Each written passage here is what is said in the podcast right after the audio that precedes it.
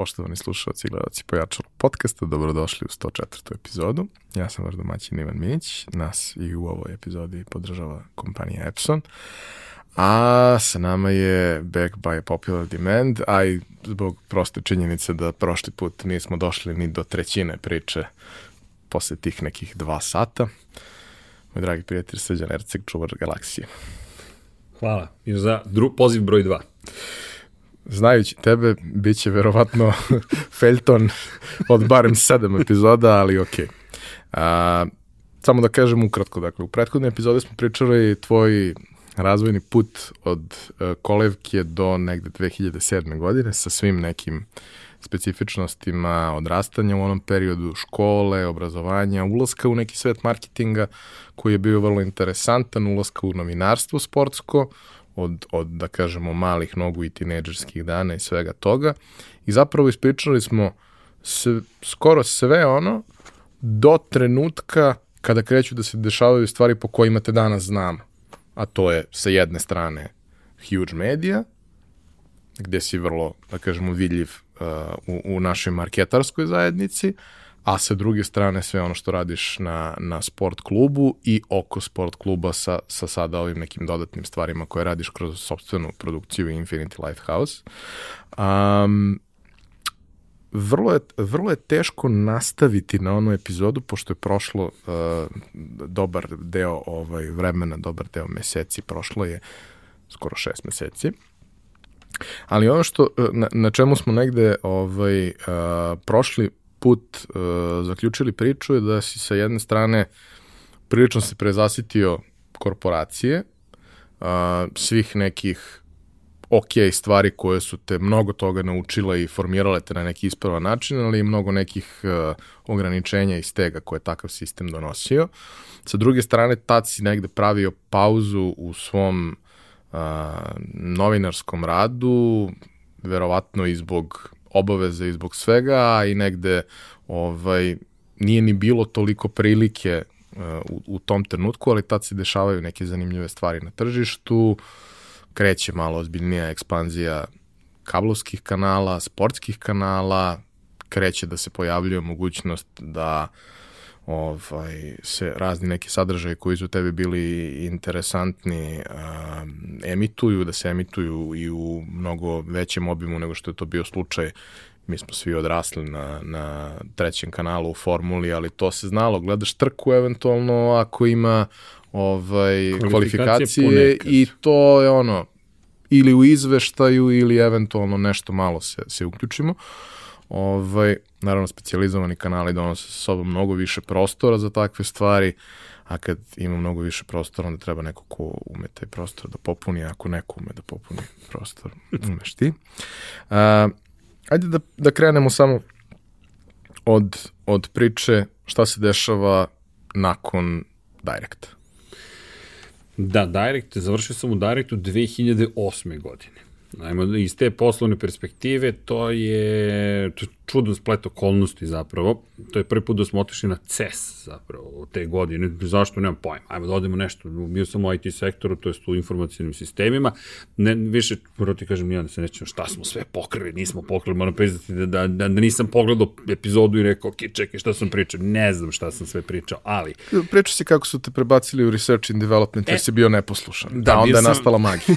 da, da, tad smo se baš zabavljali. E, to je jedan super period, moram da priznam. To je bio divan period nekako u tom momentu je meni odgovaralo da se sklonim iz te, iz, iz, iz to je, sa te pozicije gde nešto radim direktno sa klijentima, nemam ni e, dodirnih tačaka toliko sa menadžmentom ili sa nekim pozicijama gde ja nekog ugrožavam ili bilo šta, manje više izgnanik, misfit, ali našao sam svoj fit, bukvalno. To sa Gojkom sam napravio baš ozbiljan fit je ispao, gde je on na jednom strateškom nivou smo posmatrao stvari, ja sam na nekom operativnom i da, stra, nešto što mi on rekao, rekao mi je, ej, hoću tom da radim zato što imaš viziju. Neću imam pojma, to ne znam da se spominje šta je vizija, ali vizija je meni su stvari zaista u glavi pojavljuju slike kako će to da izgleda, bukvalno, to je vizualni moment, drugima ne tako, čak i njega sam pitao, ili imaš slike, on kaže, ne, imam više brojeve u glavi, bukvalno mi je čovjek rekao, imam tabele u glavi, ja sam rekao, ok, za mene su to baš fotografije, kako će izgledati šta god, serverska soba, kako će izgledati interfejs, kako će izgledati ljudi koji nešto koriste, baš tako vizualizujem situaciju, I ja sam bukvalno shvatio to njegovo vizija, ok, vizija, a posle sam shvatio to meta značenje da to je nešto kako će svet da nam izgleda jednog dana, ali mi je tu prvi put data prilika zapravo da razmišljam, ne da samo da razmišljam na taj način, već to razmišljanje da pretvorimo nešto konkretno. I onda smo mi krenuli zapravo, krenuli još u printu dok sam bio, sam ja napravio onaj čuveni moment jel, automatizacije, pa je to onda moment bio, čekaj, TV nam donosi najviše sredstava i da vidimo da možemo da automatizujemo procese na TV-u, pa smo napravili nešto što smo nazvali program za TV medija planiranje. Automatizovali smo zapravo Excel spreadsheet i kroz VBA, Visual Basic for Applications, na, počeli s makrojima, najjednostavnije zašto smo gledali to da koristimo, VBA uvijek bio integrisan u okviru Excela. Čak pre XLS X-a, XLS dok je samo postoja, pa XLS M koji ima macro enabled zapravo spreadsheetove, smo rekli čekaj, ajmo mi kroz VBA da automatizujemo, zašto? Pa ti ga pošalješ nekome, media planeru, account manageru, kome god, on sa sobom ima sve. Sve što mu je potrebno da to rez, relativno nezavisno radi. Onda smo rekli, čekajmo da sad spojimo ovo kroz neku bazu podataka, stani sa bazama podataka, ajmo da napravimo tabele u Excelu, koje su manje više flat tabele, čak nisu ni relacijone baze podataka, nego smo bukvalno poređali tabele po, x i po y osi i rekli ovo su neki cenovnici, strukturirali smo tržište zapravo televizija. Evo ih cenovnici, evo ih emisije, evo ih uslovi po klijentima i to ukrstili. I bukvalno su upit slao u tu tabelu, gde se sad došavaju neke lepe stvari, pošto ne postoji aktivni direktorijum, ne postoji struktura, već ti imaš LAN, kućnu mrežu, firma je imala četiri zaposlena, tako i rasla, dolaziš do toga i čekaj, treba nam server, pa smo onda išli da jurimo taj čuveni Power Edge 1950, gde ćemo da ga spakujemo, ne se kako se čovek zove, majstor, da li Dejan, Đura, ne znam ja, i onda je Šone, koji je bio zadužen za, za hajde, operativne stvari u zgradi, bukvalno, rekao je, znam ja, majstora koji može da vam napravi rek, pošto jedini rek koji si mogu da kupiš 24 unic, šta da radim sa 2 metra unitom, meni treba nešto drugo, pri čemu nemaš serversku sobu, i onda tako ti se spaju stvari, mi uzmemo Power Edge, uguramo unutra. Jedan, nema tu redundantnosti, mi smo ga samo ugurali, zašrafili i dobio točkić, jer je majstor, dajde, Dragan, Đura, kako god rekao, e, hoćete točkove hoćemo točkove, bukvalno to je napravio čovek i sam, sam je izvario lepi varovi, mogao bi da radi u automoto industriji, sve sam sredio, napravio nam staklenu, staklena vrata napred, rupa pozadi, mi smo to ugurali, onda kao čekaj, šta ako nestane struja, sad ups da ubacimo unutra, znaš, napravili nezavisnu jedinicu, manje više kontroler i onda kao, ok, šta ćemo sad s ovim da radimo? Ajmo sad da spojimo ljudi aktivni direktorijum, pa prvi put čuješ kako se to beše zvalo, ko dobiješ pet usera, pa moraš da kupuješ za svakog korisnika još, pa onda još tražiš budžet, još, još, trošiš još, daj mi još, pa onda storage serveri dođeš do nekog informacijonog sistema kasnije, pa onda upoznaš prodavce opreme koji ti kažu ja imam super Fujitsu Blade server, Blade je budućnost, ko, evo, da ćemo vam dati dva meseca da koristite, pa posle kad nam vratite, gde ćeš da vratiš? Nismo kad smo dobili te ormare, sa čim smo ih ugurali u sobu, to je bilo ćao. Ne znam koji direktor je otišao ili direktorka i onda je ta soba ostala i onda smo ih ugurali unutra, s Gojkovu podršku, ko, šta ćemo da radimo, nemam pojma, ali ugurajte Blade-ove unutra, znači nikad više nećemo dobiti sobu, jer arhitekta nikad nije, nije, nije čovjek predvidio uopšte serverske sobe. Tako da, znaš, tako neke stvari su se dešavale, pa su mi bukvalno se igrali. to, je, to je bio kako se razvija informacijni sistem. Pa ne znam, eto, tako se razvija informacijni sistem. I, jel, taj Excel koji dan danas se koristi u Direct Media, koliko ja znam, ali nemojte me držati za reč, ne, nemam poverljive informacije, ali to je neka, makar urbana legenda još uvek da se koristi. To je dakle posle 15 godina, 2005. smo isprogramirali. Ali znaš kako mene to poći? Kona sovjetska tehnologija. Znaš, nema elektronike, ima sajle, ti povučeš, taj avion ide gore. Otprilike to je, i baš smo ga pravili da bude robustan, da ga je teško oboriti pretpostavljam da ga je teško boriti, još uvek nešto radi. Sad šta radi, nemam pojma. Znam da se tu i Gojko nervira što traži jedno, ja isporučim drugo. Znaš, kaže, daj mi x, ja kažem, a dobit ćeš x, ali čekaj, ja ti napravim y, ali ti ne isporučujem x, da tu čuvena priča o u to vreme sam bio neka vrsta developera, od developerima ti samo hoćeš do ovde, jer tebi treba do ovde, ali on vidi da može do ovde i ne daje ti ništa dok ne dođe do ovde. I ti naravno poludiš jer si probio sve rokove i ko zna koga si prevario, jer ne dobijaš to što ti treba. I onda, kad smo došli do Y, čovjek je izgubio kompas, baš se iznervirao, ali u tom Y smo napravili onda i sistem gde si mogu da upoređuješ zapravo cene, pravi malo uvod za šta smo sve radili, prodavalo se po sekundama i po CPC-u, po CPP-u, izvinjam se, CPC iz druge neke priče. CPP, cost per point, u suštini taj čuveni, jel te, GRP, pa onda ti imaš zapravo TRP koji je target rating point, a GRP je gross rating point za celu populaciju i to sad opet kako u suštini ti praviš affinity index tako što i kupuješ po jednoj ciljnoj grupi, prodaješ po drugoj, to su sad već biznisi, kako to možeš da radiš, da zaradiš više, ali ono što ti tu zahtevno jeste što sa povećanjem broja klijenata, emisija, načina plaćanja, kupovina uslova, to postoje toliko kompleksno da je za čoveka vrlo teško da, da to analizira. E sad, pošto smo mi ovo pravili, to ja sam to pravio, Gojko me u jednom trenutku rekao ne mogu više s ovim čovekom, to je bila kriza i ja sam onda sve to ubacio u neki sistem i onda kada je shvatio da može automatski dva klika da poredi zapravo da li je bolje kupiti po sekundama ili po CPP-u po kom CPP-u, to je za biznis bilo dosta važno. I onda dobiješ podršku koju si napravio, sad nije ni Y, to je C koji nisam ni ja znao da pravim. Ja sam napravio šta je meni djelovalo dobro. Ta, ta sloboda redko se viđa i da dobiješ podršku, stvarno je bilo meni, bilo, meni je bilo super zabavno. Mm, imaš ozbiljnu odgovornost, ali nemaš taj moment gde više si u meta svetu. Zaista si u nekom svetu između, taman tamo gde je u tom momentu trebalo da budem. Ne, ne pregovaram s klijentima, ne pregovaram više s medijima, uh, ne bavim se tim delom posla, a opet se bavim svim poslovima, jer moraš da znaš medijsko planiranje, TV medijsko planiranje, moraš da razumeš Arijanu kao izvor podataka, moraš da se baviš istraživanjem podataka, a drugo, pošto si u research and development, onda niko ne gleda da to što ćeš uraditi će možda oštetiti klijente ili uticati na medije ili bilo šta drugo, dok ne shvate da od tvog programa zapravo zavisi cijela firma i da ako ti pogrešiš na jednom mestu, svi će da pogreše, ali dobro, to, to smo relativno brzo shvatili, pa se to rešilo. Rešilo, nema šta, napravili smo dobar sistem. Ali pojenta je bilo u tome da odjedno meni baš prija sve to što radim i onda smo dve godine smo baš bili u, u konstantnom razvoju. Te nova stvar, te nova stvar, te nova ideja, nova stvar. Meni to baš bilo zabavno i onda CES, zašto CES? Dajte ljudi da izađemo iz, iz kancelarije, dajte da vidimo malo sveta, da vidimo šta se događa, otišli smo, ne znam, u Hanover, to jest bili smo i u Hamburgu, znaš, odeš do Hamburga, malo da vidiš šta se događa, da vidiš gde su Beatlesi to svirali prvi put, to jest, ja mislim, da me, u Hamburgu su se proslavili, ako se dobro sećam, ali to je neka avantura. I vratim se ja sa te avanture i pozove me prijateljica s kojom nisam radio tri godine iz štampanih medija i kaže, da li hoćeš da budeš direktor prodaje oglasnog prostora za Gloriju? Pazi, u tom trenutku meni sve potaman, bukvalno sve potaman, ali, ne, svrbite kao, jao, neka pozicija, jel tu ima para? Kaže, duplo veća plata. Čekaj sad, to je već sada neka ozbiljna situacija, duplo veća plata i sad sedneš sam sa svojom, čekaj sad, da li vredi ili ne vredi, pri čemu zaboraviš koliko može loše da bude, ne zato što je loše, nego zato što to što vi radite u tom trenutku je de facto opet neka vrsta izuzetka, neka baš i anomalija, dovoljno si rano bio u firmi, u Directu konkretno, da si od početka tu, poznaješ ljude koji su sada ključni ljudi, u suštini znate se dosta dugo već, u tom trenutku to je 7 godina poznanstva, čak sam i vojsku, dakle, odslužio u Direct Mediji dok sam bio, vratio se, napravio print media sektor, napravio sad softvere neke, informacijone sisteme, ne sam, naravno, rekao sam već, to su sve sublimirana znanja cijele agencije, ali nešto sam uradio i sad sve po tamo, sve, ba super, ma nema problema, kupio kola, znaš, počeo da živim sa devojkom, ne znam, to su važni momenti u tom trenutku. E, o, i više nisi tinejdžer. Da i više nisi tinejdžer, da, i neko ti dođe i kaže, e, ali vidi, duplo više para i ti kažeš, šta sad?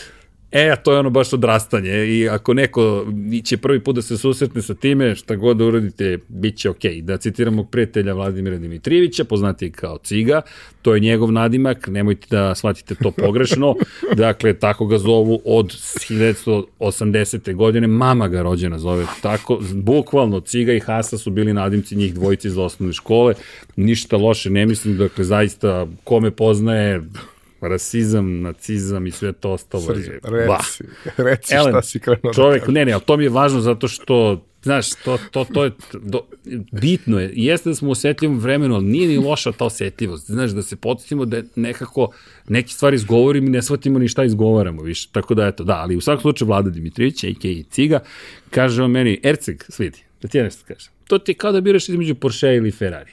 Biće ti dobro. Biće ti dobro. Ja kažem, ok, ima istinu u tome što pričaš, i ja kažem, pokleknem, jel te, tim niskim porivima i kažem, dajte, show me the money, gde je ta lova? jer, jel te, trošiš više, te leasing, te osiguranje, te ovo, te ono, te hoćeš da putuješ mlaci, prohtivi, jel te, rastu, pasta za zube i slično. U svakom slučaju, pa da, i ti kažeš sebi, ma čekaj, idem ja u, neki, u neku novu avanturu. Odemo mi u avanturu, nije ispala baš avantura kako sam želeo, tu sam se zapravo prvi, prvi put susreo sa time da napuštam neko okruženje koje mi baš prija, ali znaš da nešto te kopka. I seća se da sam i tada izgovorio, pazi sad ovo, da sam tada izgovorio, inače tada sam baš bio naivan i nisam znao da vodim pregovore zapravo. Jer sam ja rekao, ljudi, ja odlazim, donosam odluku i to je to, nema šta sad, ja sam dono odluku. I sad tu, politika firme, nema kontraponudi. Hoćemo da damo kontraponudu, ali nećemo. Ako damo njemu, da li ćemo nekom drugom. Inače, ako neki menadžer sluša, to je besmislica. Svako čovek treba da proceniti koliko treba, ako dođe da vam pregovara, procenite koliko vam vredi. Ako neko dođe iz firme, kaže što ste njemu dali, a meni niste, pa samo reći koliko ti vrediš, koliko vam vredi. Ako je to nekom teško da prihvati, sorry. Zaista, žao mi je, ali to me uvijek nerviralo otprilike dođemo u situaciju, e vidi, ti vrediš, ali ne samo ti kažemo da, mi, da, nam da ti pokažemo koliko vrediš, zato što onda će drugi, ako saznaju koliko ti plata, oni tražiti više. Pa dobro, jel vam vredim ili vam ne vredim? Pa mislim, šta smo, kolektivni duh, ok, volim ja kolektivizam, volim ja zajednicu, ali ako i vam vredi više i pričamo o tome da pregovaramo parama, pa dajte mu više. Ili mu dajte više slobodnih dana, ne znam, dajte mu parking mesto, dajte mu kola, nešto mu dajte, po neko poštovanje. Recite mu, ok, ti možeš mesec dana da ne radiš. Banalizujem, ali ni čak ni banalizacija. Ima toliko načina da čoveku pokažeš da ti vredi nešto. I drugo, ako vam svi isto vrede, onda, ne znam, da li i što iko vredi. Znaš, to mi uvek Ima baš dosta stran. tih nekih ono, vrlo, vrlo čudnih uh, primera, posebno sad kada imamo IT firme, imaš s jedne strane IT firme koje su potpuno transparentne, gde imaš public Excel sa svim platama, platama i bonusima. Sa druge strane imaš firme u kojima je to kao stvar o kojoj se ne priča ni po kojim uslovima. Ali ljudi pričaju o tome i ne možeš da sprečiš da ljudi pričaju o tome i ne možeš da sprečiš da ljudi saznaju i da se vremenom pojavi neko nezadovoljstvo. Pa, znaš šta mi Burazi rekao, izvini? Koja je najveća, koja je najgora javna tajna? Pa plate svih u firmi. To se zna. To je defaultno stanje. Nema šanse da neko neće pi, ej, kako ti plata ili kako, da nekako dođe do informacije kolika je plata nekom. Nema teorije. Prosto želiš da vidiš kako si pregovarao. Želiš da vidiš da li je neko bolje prošao ili ne. I tvoje je da vršiš pritisak na menadžera, zašto? Hoćeš veće pare. Mislim, to su, to su pregovori. Ali ja nisam znao da pregovaram. Ja sam rekao, ne, ja odlazim i to je, to je, to je, to je kraj priče. I onda da li, da li pregovori, da li ne. I ne znam da li to bilo prvi put ili nije bilo put, kao, ok, dobit ćeš nešto, šta god dobit ću nešto. Ma je to bila jedna čudna izjava. Da bio moment kao, znaš, ti ćeš doći na, na, na gojko mesto. Stvarno, to, to, to, sad sam siguran da nemaš, da, ovo, da ovde nešto sigurno nije tačno, da, da, da ja dođem na tu poziciju, ha, ha, to je besmisleno.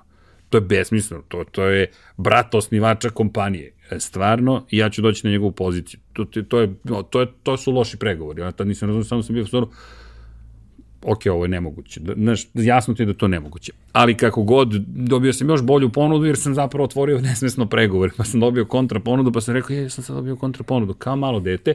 A onda ljudi izgledaju i kažu, e, čekaj, evo ti još veća ponuda. Ok, kako sam sad došao do još veći, do još više para. I sad se osjećaš loše, aha, sad ću da prevarim zapravo ove ljude kod kojih mi je dobro, jer sam im rekao, pa ne, neću da pregovaram, ali zapravo sam ušao u pregovore. Sad me ovi zovu i kažu, ne, sad si nama obećao, pri čemu to je sve do, deo posla, ali to se zove odrastanje. Nisam pojma. Na kraju sam dobio, nemam pojma koju ponudu, dva i po puta veću plat, ne znam ja šta sam dobio i sam ono, ok. E onda sam rastorio odnose, opa, jer dođeš u situaciju da ljudi misli, izvinjavam se, valjda neću ništa srušiti. Oj, maranc, ne bi bilo lepo da se to desi. Dakle, dođeš u situaciju da zapravo nekako za, kvariš odnose, ali posle sam shvatio da nije ni bilo moguće da držiš odnose, prosto politika je bila, ako si otišao, to je izdaja de facto i, to, i dalje to ok, nije ok, ljudi, svako vodi svoju firmu kako god će. Što se meni tiče, mislim da to pogrešan put, ali ok. Svako ima pravo da izabere kako hoće da dalje. Nije to nikad jednostavno. Ako pričamo o nekim odnosima koji Tako prevazilaze poslovne, A, to ovde su jeste- prelazilazili. To jeste onda neka vrsta izdaje. Sad, Sedam znaš, godina si tu, od, krenuli ste zajedno manje više od nule, podržavali se i jedni i drugi, i ja kompanija i kompanija mene i dođeš do toga kao ovo je samo posao. E, više nije samo posao. Lično je svakako. Ali nije primarno lično. Jer nisam razmišljao lično, razmišljao sam o, na Bahamima sam se vidio. Bukvalno. Ali nikad u veće dugovi nisam ušao posle toga, ali dobro, to je sve okej. Okay, jer znaš, kod dva i po puta par, pa to ne može se potrošiti. O, može, može. Može pet puta više da se potroši, dok zarađuješ samo dva i po puta više. Ali dobro.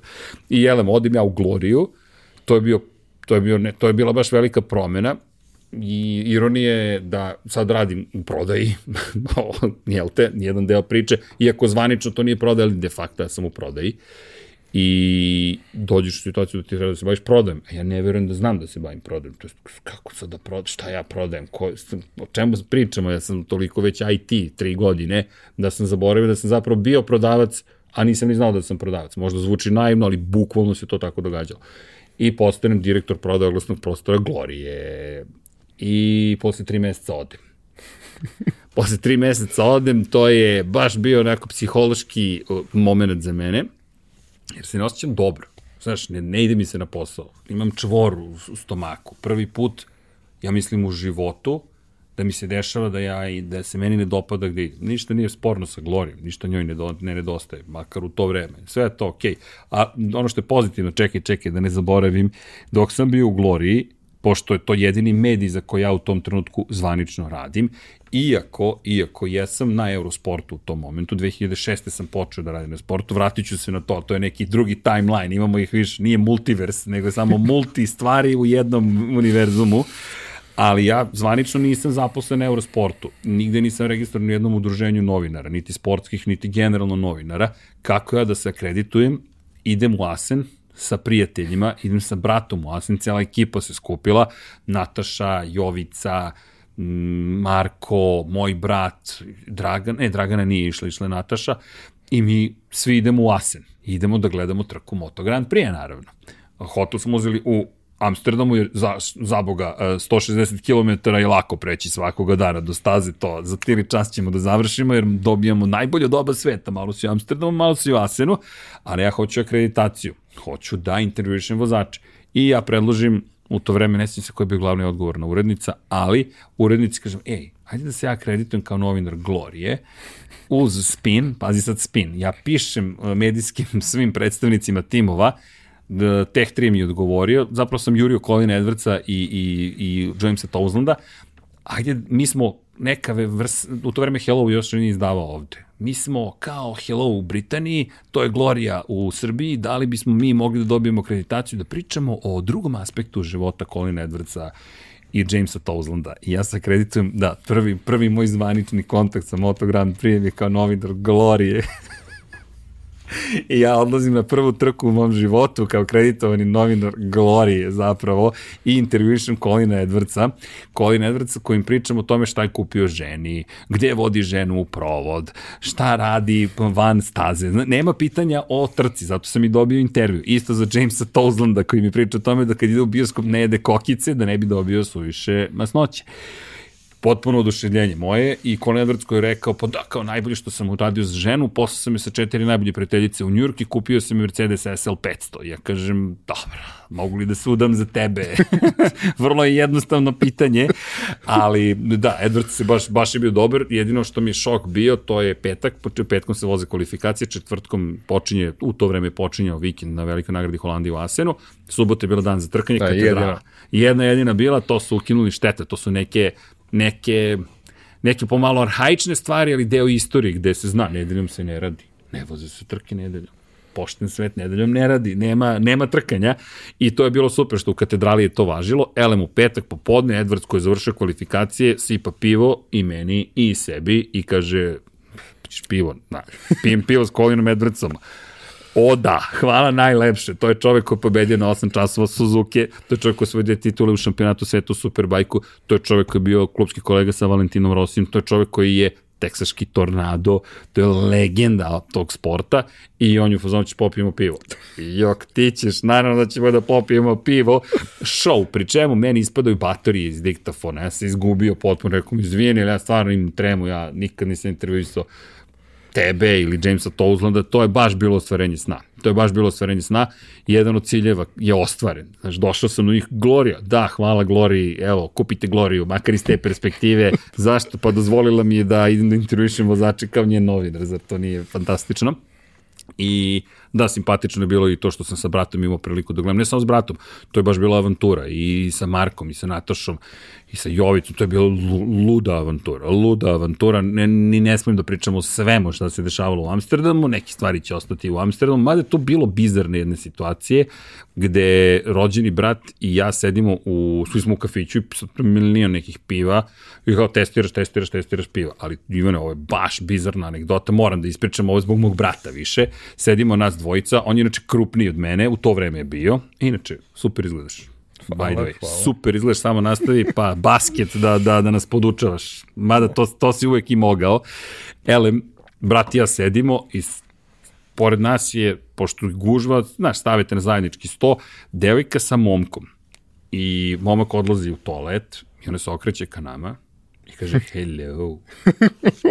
Sam nas dvojica, hello, hello, ali mi smo malo drugačiji, znaš, zašto nam se žensko obraća? Čemu? Gikovi, Če, da, gikovi, zašto? Mi imamo devojku, znaš, to je prva rečenica. Ona je, kao, mi kao, pa kao, otišao ti momak u toalet, kao, pa ne, nije on moj momak a vas dvojice ste tako krupni. I je kao, Ivane, ovo je stvarno Amsterdam, bežmo, bežmo odavde. Da, baš smo bili smešni, ali da, ne bi trebalo da se hvalim, ali to je činjenica i to je ostala čuvena anegdota, devojka je bila fazonu, ajmo zajedno, ajmo, ajmo kod mene, e, ne, nećemo, mi smo gikovi, mi smo došli samo zbog piva. I sad ću da zovem devojku da joj kažem, izvini, prišla mi je devojka u, u, u pubu.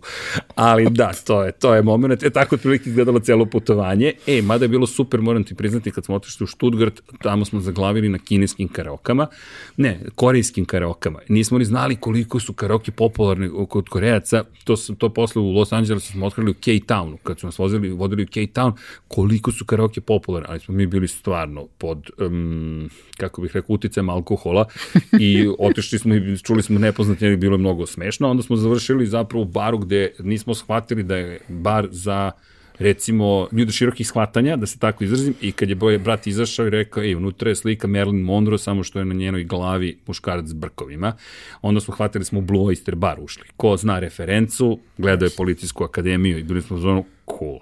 Uh, bilo je zabavno sve u svemu. Tako da smo svašta radili na putu do Asena. E, to ti 2008. čisto da znaš. Ja sam u to vreme direktor ogled prodaje oglasnog prostora Glorije.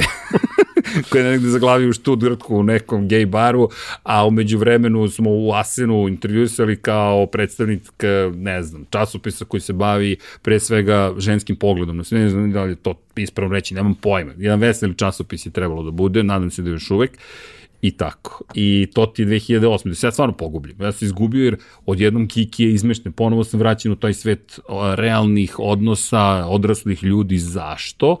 To je super ispalo stvarno ispalo super jer, znaš, možeš da bežiš, ali na kraju dana treba se sučiš nekim stvarima i znam kada sam odlazio da sam rekao ono što mi mnogo smeta u tom momentu Direct Media, rekao ljudi više niko ništa ne zna o meni. Ja ne postojim.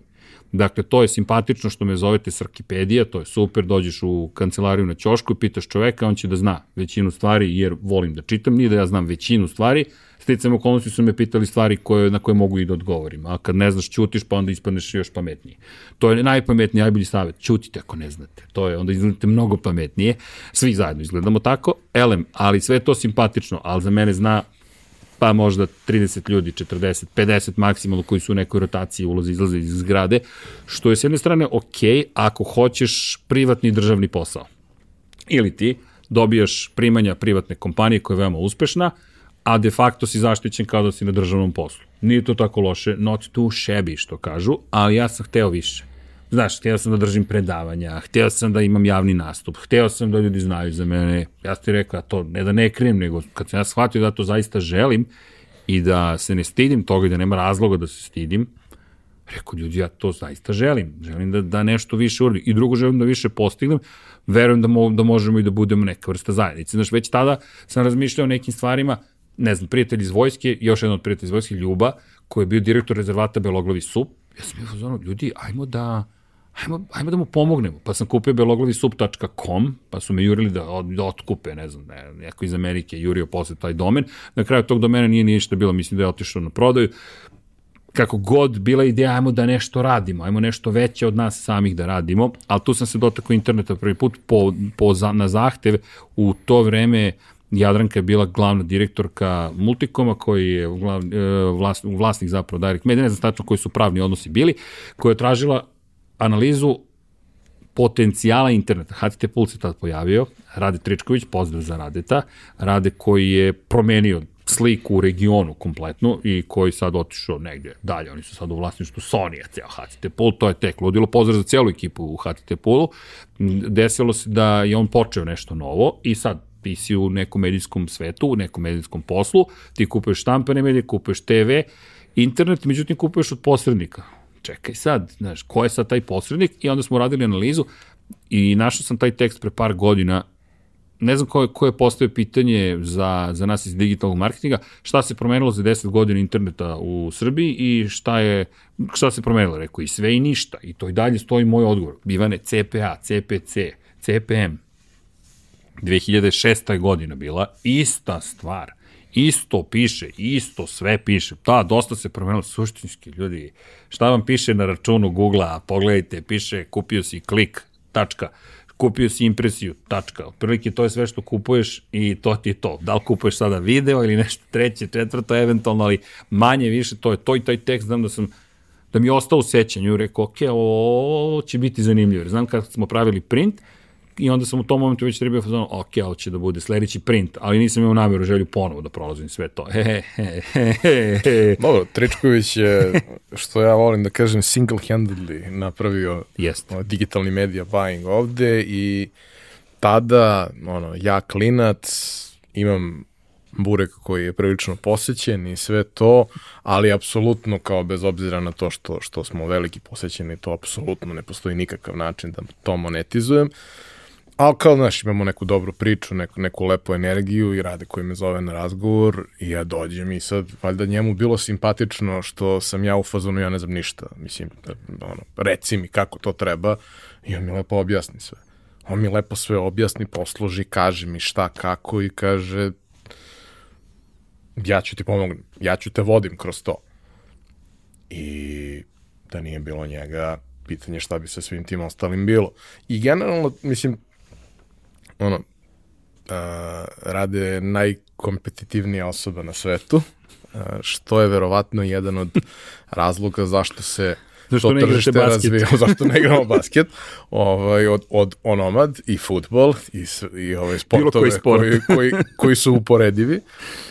Ali je to isto tako i razlog zašto se od nule ili nekog zametka koji se pojavio na kraju razvilo nešto što danas vredi uh, par desetina miliona eura i vrlo onako lepo i, i, i predvidljivo raste. Svi smo mi znali kako stvari funkcionišu na drugim tržištima. Svi smo mi imali mogućnost da ispratimo statistike sa, sa drugih marketa i da vidimo da stvari idu nekim tokom, ali se ovde ništa nije dešavalo i u suštini tada je, kao što je bila baš situacija i sa printom pre toga, to je bilo ono, kupiš televizor pa dobiješ nešto. Znaš, a evo stavite i baner ili ako može negde nešto se Sećaš Googleovog, uh, ako se dobro seća, medija planera koji je davao otvorene podatke posjećenosti svih sajtova globalno. Do 2009. ili 10. si mogo da odeš na planer, izabereš šta želiš, uporediš i vidiš, onda je Google rekao, čekajte, čekajte drugari, pa to nešto vredi, pa nema potrebe, tad se dešala promjena kod, na poziciji izvršnog direktora, mi nismo znali koliko će to utiče na nas, nismo imali pojma, mi su se igrali, e vidi neki medijski planer. I to ono što kažeš, mogu si da vidiš druga tržišta, ali monetizacija ta čuvena, kako da zaradiš pare od toga, Rade Tričković mnogo toga, zaista mnogo toga uradio. Ali to sam tek posle saznao. Znaš kako izgleda naš prvi sastanak. Nikola Barać, Srđan Erceg i, to jest Rade Tričković, Nikola Barać, Srđan Erceg, između HTT Pool i Huge Media. Mnogi su pokušali da pobede HTT Pool i nestali su.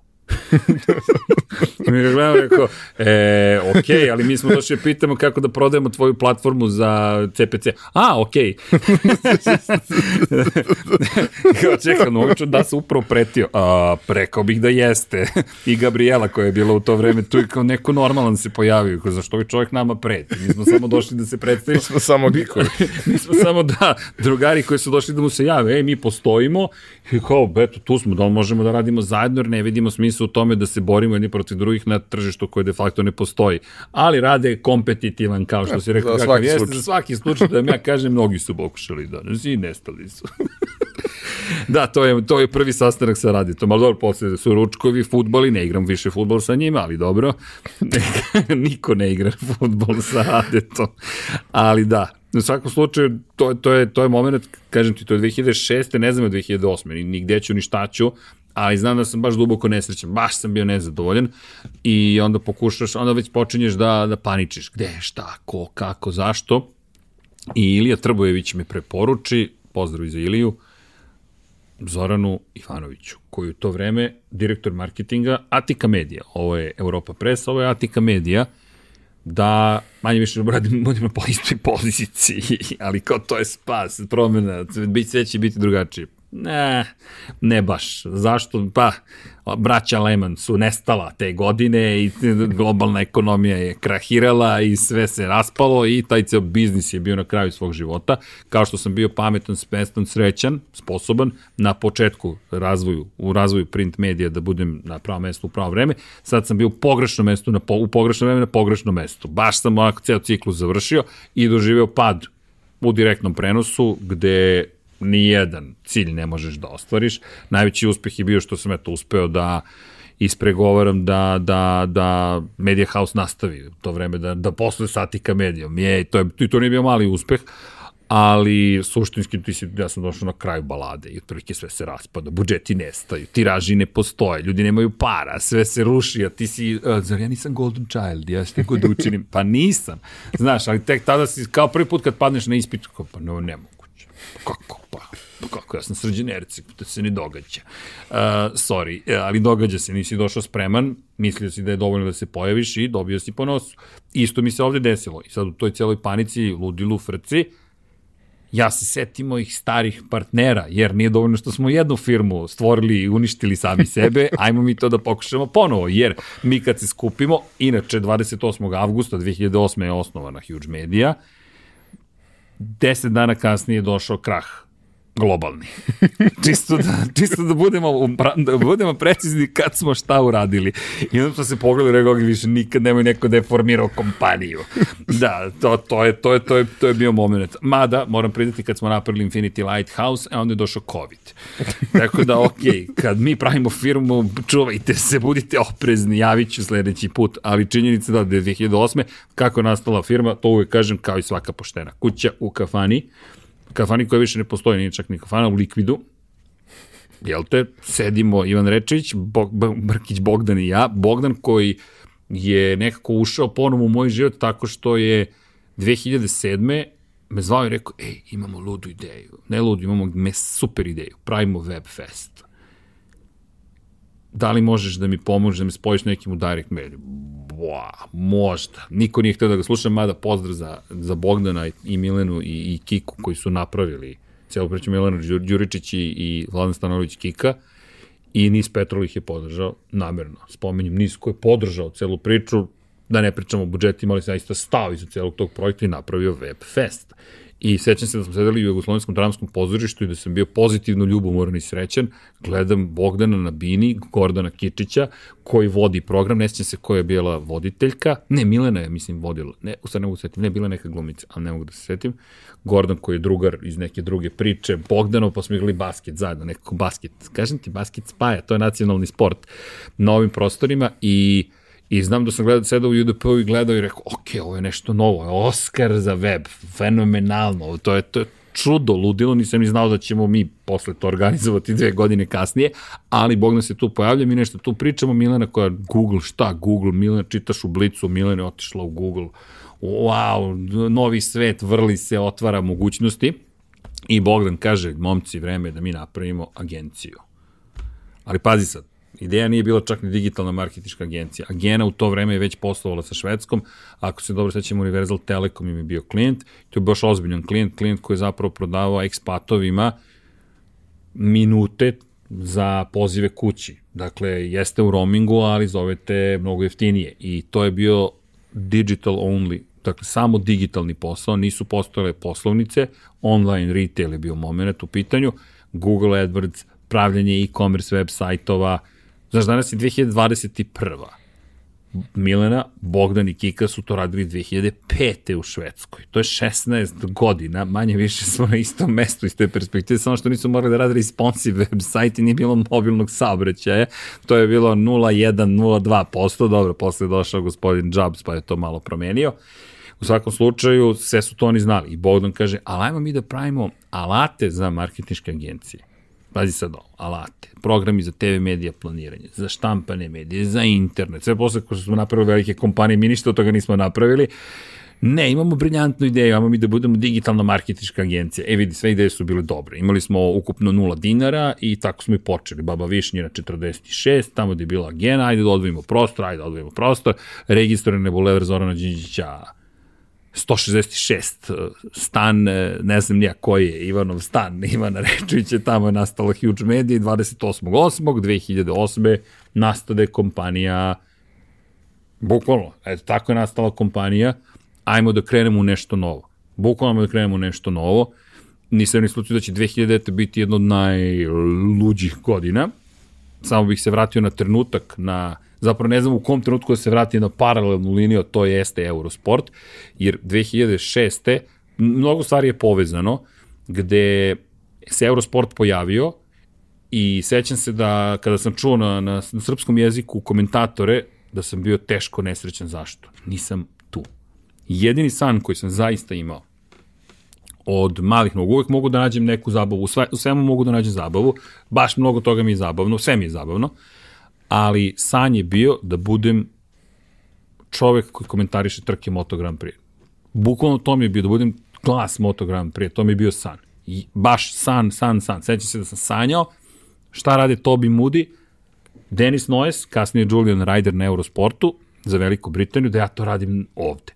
I bio sam... Iako može sam, umesto tri čoveka. Mm, dobro, to da, to taj deo, to, to, to nije, nije, nije. Znaš, nije, nije. Ideja mi je bila, bilo bi baš super da, da, da, da neko još bude uz mene ko je stručni konsultant u smislu da je vozio trke i tako dalje. Što se i realizovalo na Eurosportu, ali činjenice da, da, da mi je to zaista bio san. I kada sam čuo Eurosport, rekao sam, ne, ne, ne, ne, ne, ne, ne, ne, ne, ne, zašto? Zašto ja ne znam za ovo? Zašto nisam saznao? Ispao sam iz tog sveta ali bih se javno zahvalio Đorđu Đeniću. Na Uinfo kanalu je bila emisija njegova, ne sjećam se tačno kako se zove emisija, ali Đorđe Đenić, to je kultna ličnost automotosporta na ovim prostorima. Đorđe Đenić, pisao sam za SQ magazin, inače jedan kratak vremenski period, to smo negde se dotakli, i napisao sam tekst o promeni i na ulasku u novu eru sa dvotaknih motora na četvorotakne motore. I seća se da je Đorđe to pročitao i rekao, ovo je super, najzad neko ko zna nešto o motorima. Deki Potkonjak u to vreme me zove za njegov časopis, za Automoto Sprint, da napišem tekst o godinu kasnije ulasku Ducatija u svetsko prvenstvo u motociklizmu, jer to prvi put da Ducati ulazi u, moto, u to vreme nije se, tad je nastao MotoGP, do tada se zvao svetsko prvenstvo u motociklizmu, kategorija do 500 kubika, kraljevska klasa, činjenica, nezvanični naziv, ali nije bio tog premium naziva, Moto Grand Prix. Dorna, kom, španska kompanija koja je vlasnica komercijalnih prava, negde pandan Berniju Ecclestonu i Formula 1 managementu, organizuje šampionat koji se zove Moto Grand Prix i ulazi se u četvorotaktnu eru. Zašto? Proizvođači, pre svega Honda koji je gigant, su insistirali na tome da bude nešto komercijalnije. Zašto? Dvotaktaši nisu više bili na ulici toliko zastupljeni. Četvorotaktaši i svetsko, svetski šampionat u Superbajku su preuzeli de facto glavnu reč. A ti ovde govoriš o Grand Prix trkanju. To su prototipi za, za one koje eventualno ne znaju. Grand Prix, velika nagrada po francuskom Grand Prix, je najvišja stepenica u bilo kojem automotosportu. U Formuli 1 velika nagrada Belgije je velika nagrada, to je Grand Prix trkanje. To je trkanje na najvišem mogućem nivou. To je trkanje koje ne vraća pare. To je trkanje gde dajete poslednji dinar da biste našli milisekund, pobedu, da vi budete taj koji je došao do vrha. Šta će posle biti, niko se time nije ni bavio, ni dan danas se mnogi ne bave time, Moto Grand Prix. I ti sada dobiješ jasan signal da je to nešto mnogo važno. Honda dobija podršku drugih proizvođača, Yamahe, Suzuki-a, Kawasaki-a, to su ozbiljni veliki proizvođači koji ulaze u celu tu igru. Aprilia takođe, kasnije dolazi godinu i pol, zapravo dve godine kasnije, 2003. dolazi i Ducati, 2002. zapravo počeo šampionat u Motor Grand Prix, 2001. se već pričalo o tome. I mene Đorđe pozove i hvala mu na tome. Beskreno, do, do, do, do, do, do kraja univerzuma mu hvala, zašto? Ali moram ti priznati da sam bio iracionalno racionalan. To jest u, sanja, u sanjarstvu sam bio racionalan i svestan zašto. Imao sam treme, ozbiljne treme da sednem ovako pred mikrofon i, i bilo šta pričam, ali ako smem sebi da dam za pravo, bio sam odvažan, hrabar. Da kažem, ja ću da sednem, ja ću nešto da pričam. Inače, prvi, prvu emisiju, pošto nije bio siguran koliko ću znati, snaći se da li mogu da popunim tih pet minuta koje odredio za mene, je završavao tako što dok kamera snima samo mene ovako pokazuje. Seci. Rekao bih da to bio adekvatan opis svega kasnije što se dešavalo, ali pa da, bukvalno je čovjek bio u fazonu. Ali sa osmehom. I ja rekao, ok, samo sam začutao, to je bilo seci. Rekao čovjek seci, hm, kraj, kraj, bukvalno. Ali znam da mi on dao šansu i emisije su išle u odloženom snimku, ali su snimane kao da je live. I to, je, to mi je puno pomoglo od prvog trenutka televizijske karijere, bukvalno to je karijera, posle sam postao svesno da je karijera, meni to samo bila zabava. Sam samo to hteo da radim, nisam ni pitao za pare, samo dajte mi da to radim. I je došlo do toga da zapravo sam uvek bio u live, uvek u direktnim prenosima i moram ti priznati mi je mnogo teže kada moram da čitam neki tekst, mnogo mi je teže, nema improvizacije, nema rušenja četvrtog zida čuvenog, nema zabave sa gledaocima, sa tobom, nema interakcije. To je jednostavno skriptirano, tu scenariju postoji, tu moraš striktno da ideš po tome. Meni to tako ne odgovara da ti ne mogu opisati, onda mi je bilo zabavno što sam nesvesno od prvog momenta radio uživo, ali mi to spremilo za Eurosport. E sad, šta se desilo? Spomenuh Dekija Potkonjaka, pozdrav mom prijatelju velikom Dekiju Potkonjaku, neverovatno listinito, mi sada zajedno radimo, dakle u Lab 76 zajedno smo, nekako to mislim da je zaista sudbina, i to ona lepa, pozitivna. Mi smo se upoznali 1995. godine u sportskom žurnalu kad sam bio, on je bio u novostima i on je jedan veliki gospodin i profesionalac, inače sportski ozbiljan novinar, ali automotosport je na njegova velika ljubav, ali poznavalac sporta generalno. Inače, on ti je Liverpoolovac veliki, čisto da A, da ti kažem, ima manu, tako je. za one koji ne znaju, gospodin navija za Manchester United. To smo naučili, između Manchestera i Liverpoola postoje onaj čuveni znak. I da, to nisam znao, inače, pa sam drugaru koji navija za Manchester kupio Carlsberg pivo svoje vremeno. Ja mu donio, on rekao, ne razumem, smo, smo u svađi, ja govorim, pojma čemu pričaš, nisam shvatio uopšte dubinu te ljubavi. Aleksandro Hajtel, pozdrav i za njega, još jedan prijatelj iz vojske. I Elem, da, on to je baš shvatio kao ozbiljnu uvredu, baš se iznervirao, sad znam, ali dobro, u tom momentu, dakle, Deki ja sam se upoznao 95. 2001. on me zove da, da, da još jedan od ludaka investira svoje pare u pranjanje časopisa, potpuno ludilo, ali inače čitajte Sports magazin, eto, izvijeni što ko je zloupotrebljam priliku, ali Deki to zaslužuje, i čovek koji je 2006. bio na Eurosportu. Ja čujem njegov glas i uhutim se za glavu. Rekao, ne, Zašto? Ne. Pa to je toliko dobar čovek. On je toliko zaslužuje da bude tu, da ja ne mogu čak ni da kažem nema pojma, ne mogu čak ni da se onako ljudski naljutim, ne mogu čak ni da komentarišem komentatora, ne mogu ništa. I ako sedim ne kažem, ok, sređene, zakasnio si. Bukvalno, veruj mi, ja mislim jedan od najtužnijih dana, sećam se tog momenta kada gledam televizor, slušam, s jedne strane znam ko je čovek, drago mi je, on to tako dobro radi, on treba to da radi, i razmišljam, ode moj san, bukvalno, verujem, baš, baš mi je bilo teško, krivo mi je bilo, ali opet, kažeš, ideš dalje, šta sad? Da, sad, sad, sad imamo od kukanja, nema ničega. I desi se sticam okolnosti da Deki nije mogao da nastavi to da radi na Eurosportu. U tom momentu, ako se sećaš, mislim da smo o tome pričali, ja pravim finansijski izveštaj za celu grupaciju Multikoma. Meni pod ruke padne izveštaj na kojem piše Eurosport. Ja kažem, čekaj, Ovo je taj trenutak u životu kada ćeš pozvati svog nadređenog i reći tražim uslugu. Pozovem ja Gojka, ne, to živa istina. Kažem, Gojko, kakve mi veze imamo s Eurosportom? Uh, nemam pojma. Mislim, znaš, kao, Goj, koliko toliko ga zanima Eurosport. Ja kažem, pa vidio sam ovde u jednoj kompaniji nešto Eurosport, neka prava, šta se već radilo, nemam pojma.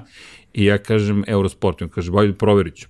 Proveri. On sazna da producent zapravo da sarađuje sa Direct Medijom i da postoji veza. Pozove Šileta, Šile ili Šule, sad ne mogu da se setim, izvinjam se, i kaže, ovo je srđan, ovo je Šile, ja sam srđan, še važi, ajde dođi ti u Aberdarevu ulicu, dođi tamo kod Tašmajdan, bukvalno straćara, da neko veruje da je Eurosport bio tamo, pao bio nesvest, a i odande se radili prenosi, pozdrav za sve koji rade na Eurosportu ili su radili na Eurosportu, bez obzira što smo sada zvanično konkurencija, poštujem moje kolege i prijatelje i zaista svakim čast svima. I gde su sada, sad su mnogo lepšim prostorijama. I oni koji su bili tamo kada prokišnjava zid, ali niko nije stao s poslom, dakle to je bila bitka, posebno za Pixija, ali to je tek priča za sebe. I dolazim ja u Eurosport, sedem s Pixijim i sa Šiletom, kad sam saznao da su oni, da, valjda, bila bitka oko toga ugovora ko će dobiti, na kraju su njih dvojica dobili zajedno, ali mene dovodi drugi producent kod prvog producenta i sad, čiji si ti mali otprilike, ali nije, Pixi je na kraju se ispostavio čovjek koji gleda bukvalno kako radiš, makar u mom slučaju, ne mogu da kažem za sve ostale, zato što ne znam, ali znam za mene šta je učinio, i upoznamo se, kaže, ok, imaš dobar glas, ajde da te probamo. Ok, ajde, imam dobar glas, ajde da me probamo probati je, radiš Champ Car sledećeg vikenda, vaši. Odem ja, ulugujem se u Eurosportu, taj centralni portal, skinem sve podatke, informacije i to da čitam, ja zovem je Đorđe Đenić, bio je Reli Srbije, ja mislim, ajmo na Reli Srbije, ajmo na Reli Srbije, ispoštuješ čovek, ali moram da se vratim do 7 uveče u Beograd, u 8 imam prenos ceo sat priprema, čitam, gledam, pamtim boje, boje itd. itd. itd. i čekam Pešikana, urednika s koga znam sa trećeg kanala po čuvenju, zato što on urednik, a ja sam komentator koji prvi put u životu komentariše i očekujem da će me on držati za ruku dok ja komentarišem u direktnom prenosu nešto na Eurosportu. 19.58 nema nikoga nigde osim jednog čoveka, ja sad se zaboravim ko je bio i tehničar, realizator zapravo i ja se gledam kroz prozorče ovako u kabini i on kaže, ja kažem šta sad? I on kaže čekaj, dođi kod mene, stavi slušalice, stavi slušalice, mikrofon, ovo ti iskašljivač, ovde se uključuješ i ovde se isključuješ. Ovde pojačavaš IT ton, ne znam šta je IT ton, ovde pojačavaš engleze, hvala, i ovde pojačavaš direkt režiju iz, da u stvari njih ne, ne možeš da stišaš iz Francuske, uh -huh. pošto u Francuskoj u da, Parizu central. central. I ja gledam rekao, i šta sad, i što radi? I ode čovjek. I to ti je ceo, to ti je cela, ceo trening da budeš komentator. I, I ja sedim, ali Ivane, kunem ti se, ne, ne proba, ništa. Čovjek je rekao imaš dobar glas, doći. Eto, to je bilo sve.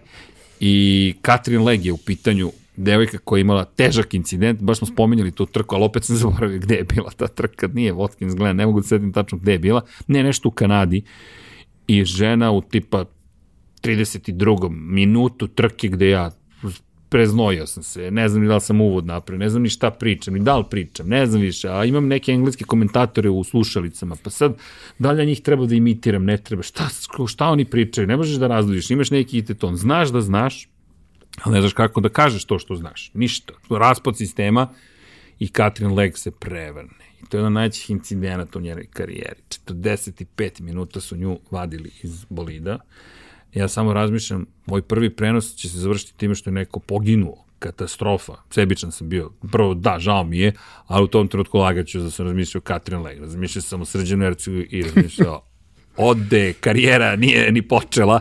Ništa nisam Ivane progovorio. 45 znam da zvuči neverovatno, ali dosta Zvuči. je bilo tišine i loše se završilo, to uvek pričam, možda sam i dosadan, ali zovem mamu da pitam kako sam zvučao. Moja mama rođena Kaže, nije bilo loše. Ivan, ti mama kaže nije bilo loše, onda znaš da si bio katastrofalan, ali katastrofalan. Izašao, otišao, zovem Pixija sutra, ajmo profesionalno kako je bilo. Ok, čuli smo šta možeš, javit ćemo ti se. Don't call us, we'll call you. to je bilo ceo komentar i ja sam bio svestan da je to, da je to, da je to bilo to, da je to kraj kraj bukvalno, srećem, mislim da je šest nedelja, to sam opet gledao pre neki dan, šest nedelja, baš, smo, baš me neko pitao ko je bio prvi prenos, Mina, pozdrav za Minu Ćirković, to je gledateljka koja je toliko posvećena i zaljubljena u MotoGP da je to prelepo počela da piše tekstove, pozdrav za, za Minu, i dešava se da Nisu nikog našli, srećom. Srećom, nisu nikog bukvalno našli. Znaš, to, to ti je onaj moment kako si uspeo. Da, nikog nisu našli da me zameni na vreme. I, i, i smatramo to uspehom, prosto tako to doživljavam. Zove me ne, ko me zvao? Zvao me, nije me zvao, Pixi, Pixi me zvao, i, ne, Gile me zvao, Gile, Gile sa Eurosporta, pozdrav za Gileta. Ej, Erceg, no, ti radiš u nedelju, posle poslovim, ja, srećan kao malo dete. Veruj mi, nikad srećnija osoba. To je 2006. I ja dolazim i sećam se kako se spuštam iz Tašmajtovskog parka ta ka Eurosportu u to vreme, samo ponavljam sebi, samo mi daj još ovu šansu, samo mi daj ovu šansu, samo mi daj sad ovu šansu, ovu, ova druga šansa, kogod, Bog, priroda, kosmos, piksi, kogod, samo mi daj drugu šansu, daj mi drugu šansu, daj mi drugu šansu, daj mi drugu šansu i samo taj drugi moment. Zato često govorim kada neko ima jednu sezonu, dajte mu drugu sezonu, možda ćete videti nešto bolje ipak i znam da sam taj prenos, da sam se baš pripremao, razmišljao puno šta sam loše uradio, kako sam mogao bolje, gde sam mogao bolje, kako sam mogao odlučnije, brže, pametnije i uradim dobar prenos. Dovoljno dobar, ne mogu ti kažem dalje dobar ili loš, nemam pojma, znam da je bio toliko korektan, ajde da se tako izrazim, da je moja prijateljica Dragana koja je bila skeptična, šta radim, čekaj, ti si sad IT menadžer, ti si neki media planer, bio ti sad hoćeš budeš komentator, a karijeru novinara si završio pre de facto 7 godina, 6 ako računamo, ma ajde, 6, 5 godina ako računamo SQ, ali to zaista nije bila ta karijera. U žurnalu i politici, i ja sam svaki dan pisao od 3 do 5 tekstova. Svaki dan. To je neki drugi život. Ja ne mogu da poverim da sam to bio ja. Da je ista ova osoba od 95. do 99. svaki dan pisala od 3 do 5 tekstova. Kao mašina. I sad dolaziš i treba da komentator i uradim i ona je bilo tako je rekla, je, ovo je dobro, dobro zvuči, to mi je bilo potrebno, ali već sam ja tad znao da sam uradio dovoljno dobar posao, dovoljno dobar posao, a da ne govorim što onda shvatiš kada se javi francuskinja iz Pariza i kaže commercial break in 30, ti začutiš, pola minute na TV-u, to je čitava večnost tišine, to, to je pola kruga, ti, ti, ti, ti začutiš kao čekaj na 20 sekundi da ipak počnem da pričam, onda se ona javi 10 seconds, ti opet učutiš, i onda 10, 9, 8, sedam, pa kao, i one to traje beskonačno, e, ali drugi put kada ona kaže 30, ti kažeš, ma vaši, kakvih 30, pre 10 ne reagujem, na 5 reagujem, e onda vremenom, na, naredne godine, šta, na 3, ma ni ne završavaš rečenicu, na 2 počinješ da završavaš misao, na 1, boc, tačka, i ti tačno znaš kada staneš, ali to ti je iskustvo, to, se, to, to dok stekneš, to je, to je, to treba da dobiješ priliku. I, i mnogi ljudi me pitaju kako si to uradio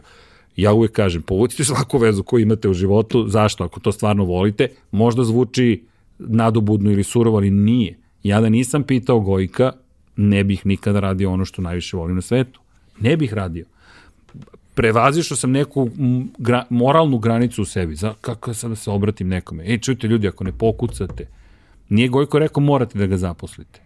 Ne, on je rekao, evo, ovo je on, pa sad vi vidite da možete nešto da sredite jedni drugim. Da ste, da li... Ovo je srđan, on je ovo, poseban. Tako je. pa vidi, ali, ali to je bio divan moment i čak u tom periodu ja smatram iskreno da mi je sportsko komentarisanje spasilo život. Bukvalno da mi spasilo život. Bio bih, nadam se, dalje živ, ali tako srećan, zadovoljan i, i, i, i neko koji je našao sebe, pitanje. I u tom momentu, znaš, kreće karijera koju ni ja nisam sanjao. Moram ti predstaviti, nisam e, sanjao, lažem, sanjao sam je, želeo sam je, ali nisam baš znao da ću ja da 15 godina, skoro kasnije dalje budem tu i da radim taj posao. To stvarno nisam predvideo, jer ako pogledaš koja je moja najduža karijera od svih poslova koje sam radio, to je sportsko komentarisanje. To je bukvalno sportsko komentarisanje. I nadam se da ću ga raditi i da ću ga dovoljno dobro raditi još dugo, ali u tom momentu, to je jedan od najvažnijih momenta u mom životu, to je prenos broj 2. Ja to dan danas pamtim taj prenos broj 2 i uvek se, i uvek se toga setim kada ne uspem ponekad, kažem sebi čekaj, seti se prenosa broj 2 biće sve okej. Okay. posveti se, uradi, veruj, zabavi se, opusti se i biće sve u redu.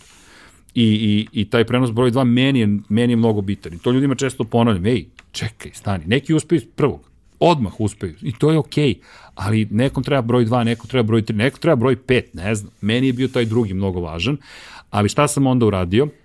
Primenio sam taktiku koju sam negde, pa i u direktu primenio i u, da kažemo, u politici, dobiješ sport, pošto to bio već kraj sezone i nije bilo previše champ car trka, stavili su me na preglede svetskog šampionata u reliju, to je bilo novo iskustvo, dobiješ tekst koji treba da prevedeš 3 sata pre emitovanja. Kako da prevedem pola sata engleski jezik? E da, čestitam na novom poslu. Jesam dobro ispratio? Yes. Kako se zove? Alfa prevod. Alfa prevod, molim vas, tako da, RS ili .com? RS, RS. alfaprevod.rs, to ću ja da, da, da, da kažem svaka čast. To je, mnogo, to je mnogo važna stvar. Ko ne zna, to su mnogo važne stvari. I sad dolazimo do, ne ozbiljno do čega. Ja dobijem nešto i treba da predem pola sata u roku od 3 sata. Pa nema šanse. Nema šanse. I pritom, ja sad imam dva posla. Ja treba da završim nešto u direktu, da odjurim do grada i da pročitam, umeđu vremenu da prevedem, a ako neko drugi prevodi, meni su te rečenice, potpuno se pogubim. Rekao ti, sticam okolnosti, sad spojila se priča, teško mi je da čitam scenariju. Šta ćemo sad? I Ceronje, Damir Ceronje, ja smo to radili, i Damir koji je bio u Majercu, daj, mislim, možeš, prevodiš simultano. Ja mislim da mi on rekao, da ne grešim dušo, znam da mi Damir nekako pomogao, da slomim tu barijeru, ma okej okay je, uđi i prevodi. I onda simultano kreće prevođenje i to se nastavilo do dan danas, krećeš da vežbaš engleski jezik na nekom drugom nivou, ali šta se dešava? E, tu stičeš isto hrabrost, ti vidiš scenu i ti počinješ sam da je komentariš. Ako voliš to što radiš i ako pratiš svoj sport, koliko ti treba vremena ako ti neko upali basket ili tenis da ti znaš šta se događa? Instant. Ako ne znaš šta se događa, onda ni ne gledaš. Tako je, ti si u problemu. Nema tu čitanja. I to sam počeo da radim. Aha, evo ga, opa, idemo. Jedna, druga, treća, ovo je ova staza, ovo je ovo je. I onda shvatiš da čovek u slušalicama ti nije potreban. Vremenom sam došao do toga da ne želim da čujem nikoga u slušalicama. Imamo i dan danas tu opciju. Ako hoćemo, to se zove vodič. Ja to ne želim. Neću vodiča. Nema šta ko mene da vodi. Tu mi je bio plan da ja postane najbolji na svetu. Da kada neko tamo čuje prenos, kaže, ovaj nešto zna sad, dobro, da razume jezik, to je druga priča. Inače, pozdrav za Jelenu Trajković, poznatiju kao zvezdica. Zašto? Koliko god govorila da sam ja nešto izveo, Jelena je izlobirala da naši komentari Aleksandra Đankića i mene završe na Dorni, na motogp.com u skupu drugih komentatora koji su komentarisali.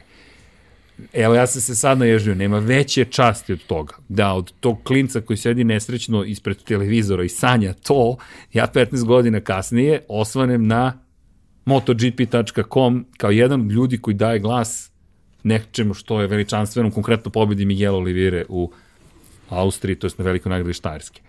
I ti si sada u grupi sa svim tim ljudima koje, znaš, to je, ja ne, ne mogu da budem srećniji od toga, čak ne znam da li moja mama to zna, mislim da nisam, nisam smeo da je pustim, mislim da bi se izvinio, ne svestila, ali pozdrav za mamu i za tatu, i za brata, i za čilance moje, i za sve, i za moju lepšu polovinu i tako dalje.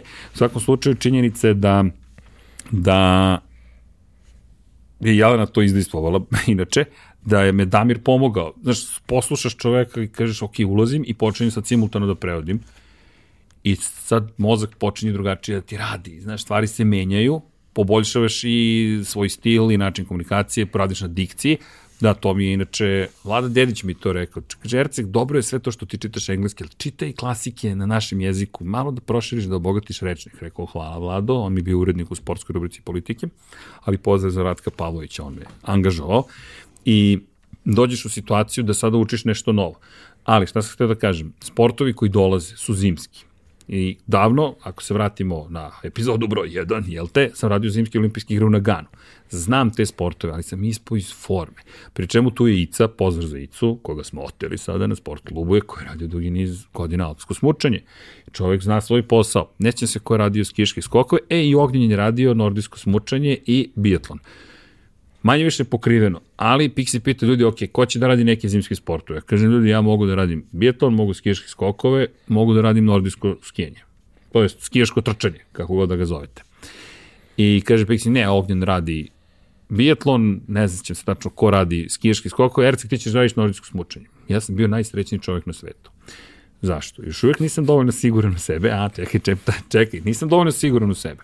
Znam da taj sport nije toliko gledan, ali da mi daje priliku da ja ispečem zanat i da radim na svojim veštinama, komentarisanja. Pored toga, to je potencijal, ako to popularizujem, ako to popularizujem, pa to je najveći, to je, to je, to je to. I to mi omogućava, ja sam to gledao kao MotoGP. Ja sam pripremao skijaško trčanje kao da radim MotoGP trke. Ja sam se spremao za MotoGP. Niko mi nije rekao da ću ja raditi MotoGP. Ja nisam ni to ni pitao, nisam ni sanjao. Čak u glavu svoju nisam stavio ja ću raditi MotoGP. Jer je MotoGP najvažniji sport za to u tom momentu za Eurosport. To je premier sport koji ima na globalnom, na panevropskom nivou Eurosport kao televizija.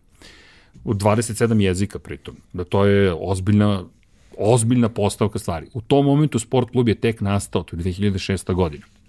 Nemanja koji ima ozbiljnu ambiciju, ali za sport klub ste tek počinje da se čuje, znaš, niko ne zna da kako će nam se putevi ukrstiti. Inače, Nemanja je sin mog prvog urednika iz sportskog žurnala, koga ja znam iz vremena kad smo bojci imali dugu kosu ili kosu uopšte. Ali, činjenica je da, znaš, tako kako te život nekako plete te veze. I ja počinjem da radim skijaško trčanje. Kažem sebi, ok, moraš da naučiš koji su skije, koji su stilovi, kako se voskira, kako se izgovaraju imena, ko, koje su trke, ko igra kako i sada počinješ da skupiš gomilu nekih podataka automotosport nekog si imao da slušaš, ovde nikog nisam slušao, nisam pratio skijaško trčanje, poslednji put sam pisao o tome 7-8 godina ranije, ali kao, ok, ajmo sada mi da naučimo ko šta ovde radi. I sad počneš da nalaziš tragove, ovo je dobar na 15 km, ovaj kad ostane sam na 10. počinje da popušta, ovo je dobra sprintu, ovo je dobar u ome, znaš, počinješ da, da razumevaš, da osjećaš nekako sport i radio sam ga do kraja 2008. to je početka 2009. kada sam otišao na, na, Eurosport, na sport klub i sad ti si na Eurosportu i razmišljaš, čekaj, imamo pan-evropsku mrežu, ajmo ja na forumu internom da pišem o tome, kako se šta radi, niko živ nam je govorio. Turčini ja jedini se našli, da, mu, muka, muka. to, to, da to, se isplašate otprilike. I pitamo ljudi kako se čita ime i prezime ovoga, kako, šta je ovo, ko je glavni dasa za voskiranje. To su stvari koje naše kolege koji idu na put i na lice mesta znaju, oni su upoznali te ljude.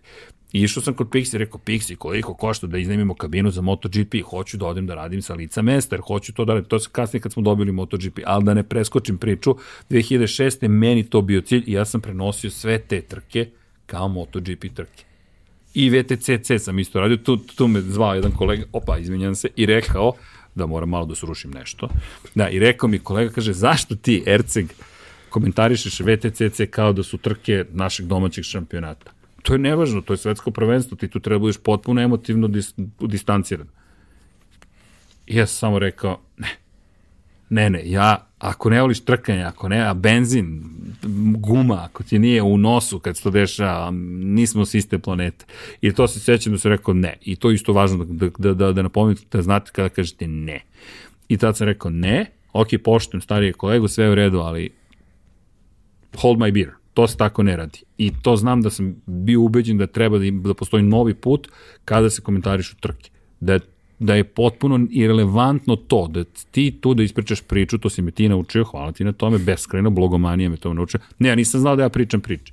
Dok mi ti nisi rekao, je, možeš da napišeš, da, da ispričaš kako se pričaju priče što mene pitaš kako se pričaju priče. Ja sve što pričam je istina, ja tako vidim univerzum i onda ti kažeš ne, ti pričaš priče. Aha, okej, okay, ja stvarno do tada nisam razumeo to a tad sam već imao 37 godina. Nisam razumeo, samo pričao nešto, nisam znao da se to priče. Sad, sad, hvala ti na tome. I da se vratim na 2006. Ja sam bio ubeđen da to niko živi ne gleda. Shvatio sam tek u martu 2007. da je neko gledao i je neko bio Pixi. I kada je došao dan, toga se isto sećam, da se nismo znali, a, zajednički sastanak, još sam ja gnjavio Pixija, isterivao pravdu, nemoj tako, mora da se poštuje ovaj, mora onaj, mora vreme, vidite, baš sam bio težak čovjek. I Kalimero, jel te, i Pixi koji saziva sastanak i kaže da stigli su direktive iz Pariza, 24 časa će se raditi na lokalnim jezicima svi sportovi, uključujući MotoGP, Ercek ti ćeš da radiš MotoGP. Šok muk. Eko si samo rekao, sada nemoj da si mi glumio velikodušnog srđana, samo reci hvala. I sam rekao, dogovoreno. Jer se već, pa ne, zašto? Ja, nemojte, ja, ja, ja se stidim. Ne. Ne, ne, ne. Čovjek izgovorio, to, kunim ti se i kunem vam se, imamo i damu ovde iza kulisa, nisam to očekivao. Zaista nisam, nisam to očekivao. Sve sam očekivao, ali ne da će to izgovoriti. Eventualno da lobiraš zašto ja, zašto neča, ali nisam, toliko nisam želeo da sanjam to, da ne bih, jel te, uprskao šansu, da nisam razmišljao kad je rekao, to sam sam rekao, ćuti, reci hvala, i ako možeš pobegni što se ne predomisli, posle mi je rekao, ne, on je rekao, dobro, to radiš, ti ćeš to da radiš. I Pix i ja nismo, samo smo ja sam ga pitao, si zadovoljan, rekao, zadovoljan, tek 2020. Dakle, prošle godine sam ga pitao zašto. Rekao, pa ja sam vidio da ti to voliš i da ti to možeš da uradiš. Gledao je skijaško trčanje i slušao i hvala mu beskreno na tome. I to kad je izgovorio, sam rekao, ok, to, to, je, to je to, to je sam, inače roditeljima nisam rekao, jer sam hteo da upala Eurosport, da gledaju MotoGP da čuju moj glas. Srđane, ja ću sad da nahorim jedan uh, preskok u toj vremenskoj liniji, ali vratit ćemo se. 2015. godine ja sam seo u kombi sa tobom, uh, Cokom, Stefanom, Marinom i otišli smo u Barcelonu na MotoGP. E, jest. U trenutku kada sam ušao u taj kombi, ja sam znao šta je MotoGP, ali sam odgledao tri trke u životu i to najčešće da proverim da li si ti živ i dalje i da li si budan i sve to. I samo sam te zamolio da mi, ako možeš ukratko prepričaš šta je to i tih prethodnih 70 godina motociklizma. I kada smo stigli u Barcelonu, to je dva dana kasnije, ja sam znao sve. Hvala. Sa mnogo ljudi sam pričao, ti mnogo ljudi nerviraš. Ne, gotovo mnogo više, ljudi, neminovno. mnogo više ljudi te voli, ali mnogo Ne, ljudi nerviraš. Ali jedna od stvari je ko, koja jednostavno ono ne može da, da se ignoriše je količina ljubavi i količina energije koju ti ulažeš u nešto. I na to se ljudi lepe. Čovječe, razgovor sa tobom nije razgovor, ja sedim, ja sedim i slušam. Izvini. Ovaj, ali razgovor sa tobom je neverovatna količina ljubavi i energije koju ti ulažeš u stvari do kojih ti je stalo i to neminovno mora da da rezultat. Dobra stvar je što, mislim, i vrlo važna stvar koju ti sve vreme potenciraš je samo nemoj to da očekuješ, nemoj da očekuješ rezultat, nemoj da čekaš kad će da se desi, ti samo radi ono što treba da To je to. radiš onako kako treba da radiš i desit će se. Ako čekaš, konstantno ćeš da se razočaravaš, konstantno ćeš sebi da nabiješ pritisak, da praviš problem. Ne, ne, ne, ti samo radi sve i kosmos će da već reši Hoće. da se sve te stvari dese kako treba. Hoće. A, može da se desi da ne dobiješ priliku koju si ti dobio. Može neko da je ne dobije. Ali jednostavno vrlo je teško ignorisati tu količinu ljubavi i posvećenosti koju je neki ludak spreman da posveti nečemu što zapravo u tom trenutku vrlo malom broju ljudi nešto znači. Nije neki veliki rizik. Ne može mnogo toga da se izgubi, a možeš da dobiješ nešto sjajno kada pustiš nekog ko to toliko voli. Pa pretpostavljam, da, znaš, nik, da nisam razmišljao to na taj način. Sad kad to kažeš, da šta imaš, ti, ti izgubiš. Ne, mislim, iz perspektive Pixija pretpostavljam ako pogledaš, ali da ne znam, ne, da, moram ti priznati jedna stvar bitna samo. Ovo što si sada rekao, samo radite svoje. Samo radite svoje, ali ja se zaista ne šalim. Ja sad sebe teram sa svim mojim stvarima koje radimo. Radi, seti se zašto si nešto počeo i samo to radi. Ne koliko ljudi je slušalo, gledalo, koliko dugo, šta za... Radi to što voliš. Da, slušaj druge, ali radi to što voliš. To je posvećenost ili ljubav i, i ponekad izlaslepljenost, ali da, to je obožavam MotoGP. Ja znam kako se osjećam kad je vreme za prvu trku sezone, znam kada se popale svetla reflektora i kada je vreme da krene trka u Kataru. Svaki godin ja znam, ja sad sam se naježio, znam taj moment kada krene prva trka, ne postoji lepši trenutak u godini, koliko god da volim Formulu 1. Kada dođe MotoGP prva trka, drugačiji je svet. Baš je drugačiji svet. A iskreniji je mnogo. Mnogo je više tih nekih emocija, mnogo Jeste. je manje onog komercijalnog što, Jeste. što ovaj, formula donosi sa sobom.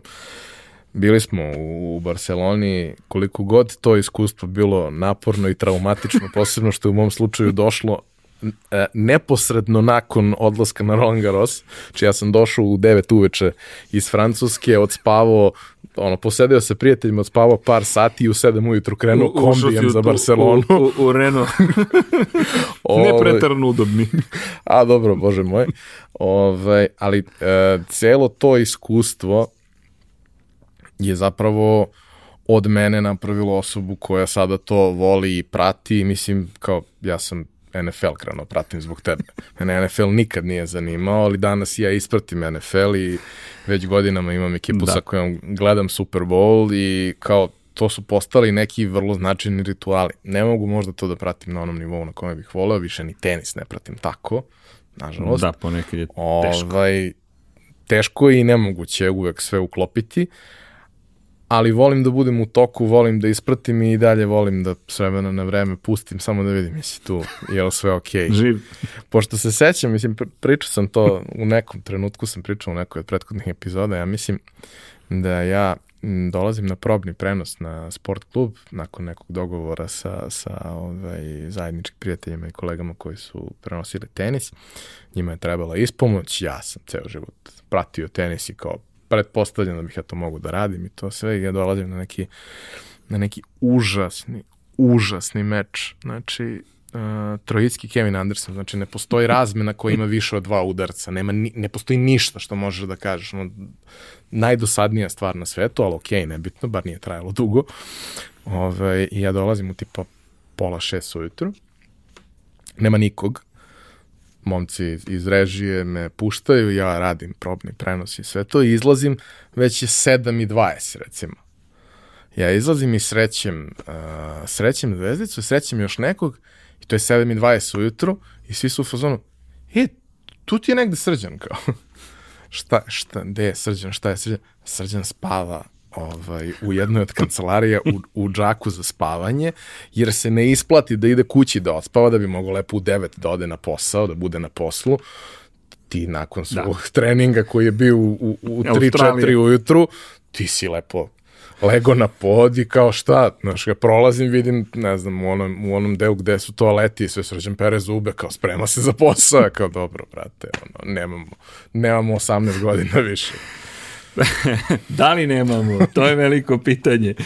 A da, ali moraš, ne moraš, ali ja sam rekao, ok, ovo, gubi smisao da sada idem, pokušam nešto, to je sat izgubljen u prevozu. Ne, leći ćemo ovde malo vojnički stil i preživet ćemo ta dva, tri dana. Ali to opet dolazi iz ljubavi. Ja ne mogu, vidi, ljubav koja, je, koja posle se prošira, zadržat ću se samo na kratko na ljubavi i, i na posvećenosti, zaista je to ljubav, ali znaš šta se desi? Kad tebi prvi gledalac, kada prvi put dođeš u situaciju da ti neko tweetuje u 1.20, tu smo. Kraj.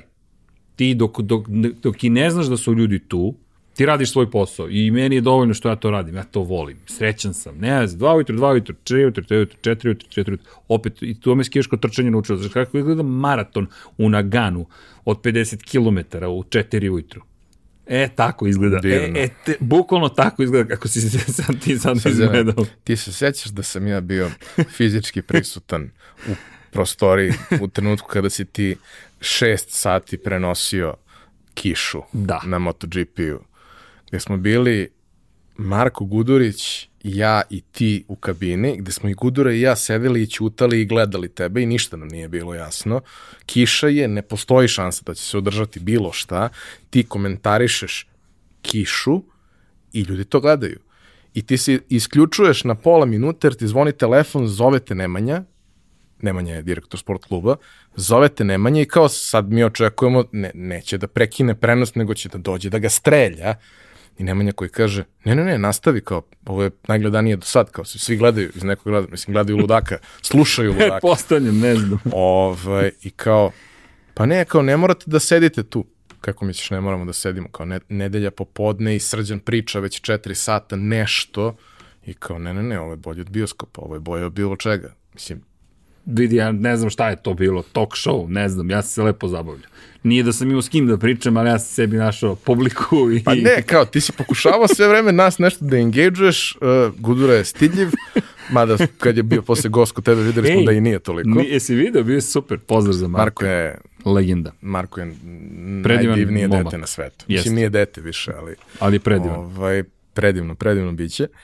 Ja imam Jest. svoje momente, nisam možda tako predivan, ali imam ja svoje yes, momente, yes. ali ovaj, kako se uključiš u, nešto tako, to je kod da probaš ono 12 volti da uključiš u 220, ne, ne ide baš.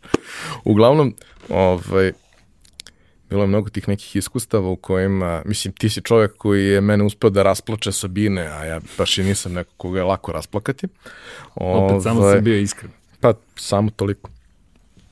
Ali negde, uh, ono što, što je zajedničko za, za sve te stvari je neverovatna količina ljubavi i posvećenosti i uh, ja nikad neću zaboraviti trenutak kad sam ja tebe upoznao, ti se toga vjerojatno ne sjećaš. Mislim, ne sjećaš se da smo se upoznali tada.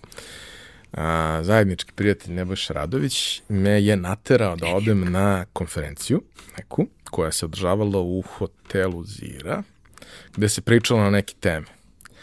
Ti si izašao, ti si izašao u majici Srebrno letač i a, krenuo si da pričaš nešto i ja sam sam pogledao na i rekao, brate, koliko mi ide na Znači, kao, sve je u pravu, sve što priča je tačno, sve to su, rekao, Ali me brate, nervira. Koliko me nervira, znači, koliko ono, koliko, prvo koliko dobro priča, kao, znaš, svi smo mi ono gikovi koji ne mogu sastave dve prosto proširene rečenice, ti, brate, kao glumac neki si tu, i kao glumac i kao prodavac, ali ne onaj bad guy, nego onaj koji, koga, ono, nakon što kupiš sve što ti nudi, hoćeš da ga vodiš kući porodici, da, da se upoznate. Nije ni bitno šta si Ovo, kupio. I kao, završava se to i ja samo znam koliko me nervira, koliko me nervira, koliko me nervira. Izlazimo ispred na onu terasu i tu su neki sendviči. A iz nekog razloga u Ziri uvek imaju dobri sendviči. Kao, o, jedemo te sendviče i ti dolaziš nešto, pričaš sa Nebojšom, upoznajemo se i potpuno drugi čovek. Znači kao, to više nije ona zvezda, nego to je sad nek, neka plišana životinja koja je došla. Mislim, dobro, sa Nebojšom su svi plišane životinje. Ali kao, pa on nije onaj iritantni kreten od malo pre. I tu smo krenuli u, u, u neku priču, vi ste Da, da. u tom nekom periodu radili neke vrlo interesantne stvari sa, sa, Yes. sa Hugeom, uh, kao i često puta u životu i pre i nakon toga neke stvari pre vremena. o- Mnogo koje su bile zanimljive, ali znaš, uh, mi čudni ljudi i gikovi, a posle će se ispostaviti i robotičari, ovaj, mi cenimo te ludaki što rade neke stvari pre vremena, zato što je to cool i kao, čekaj bre, kako šta, ne može se napraviti, ko ne može napraviti? kao, Nema, nema. ali neće niko da plati. Pa, to, sad nije to bitno. Kao, znaš, kao, to, to, to, si rekao da ne može da se napravi. Daj da vidimo da š- kako ne može da se napravi. I uh, rekao si, hoću da te vratim na, na priču sa Hugeom, rekao si da je taj početak bio uh, prilično onako uh, romantičan uh, i drugarski, Jeste. ali da je prethodio period koji je bio izuzetno težak na tržištu koje je potpuno nepripremljeno za bilo šta i nerazvijeno.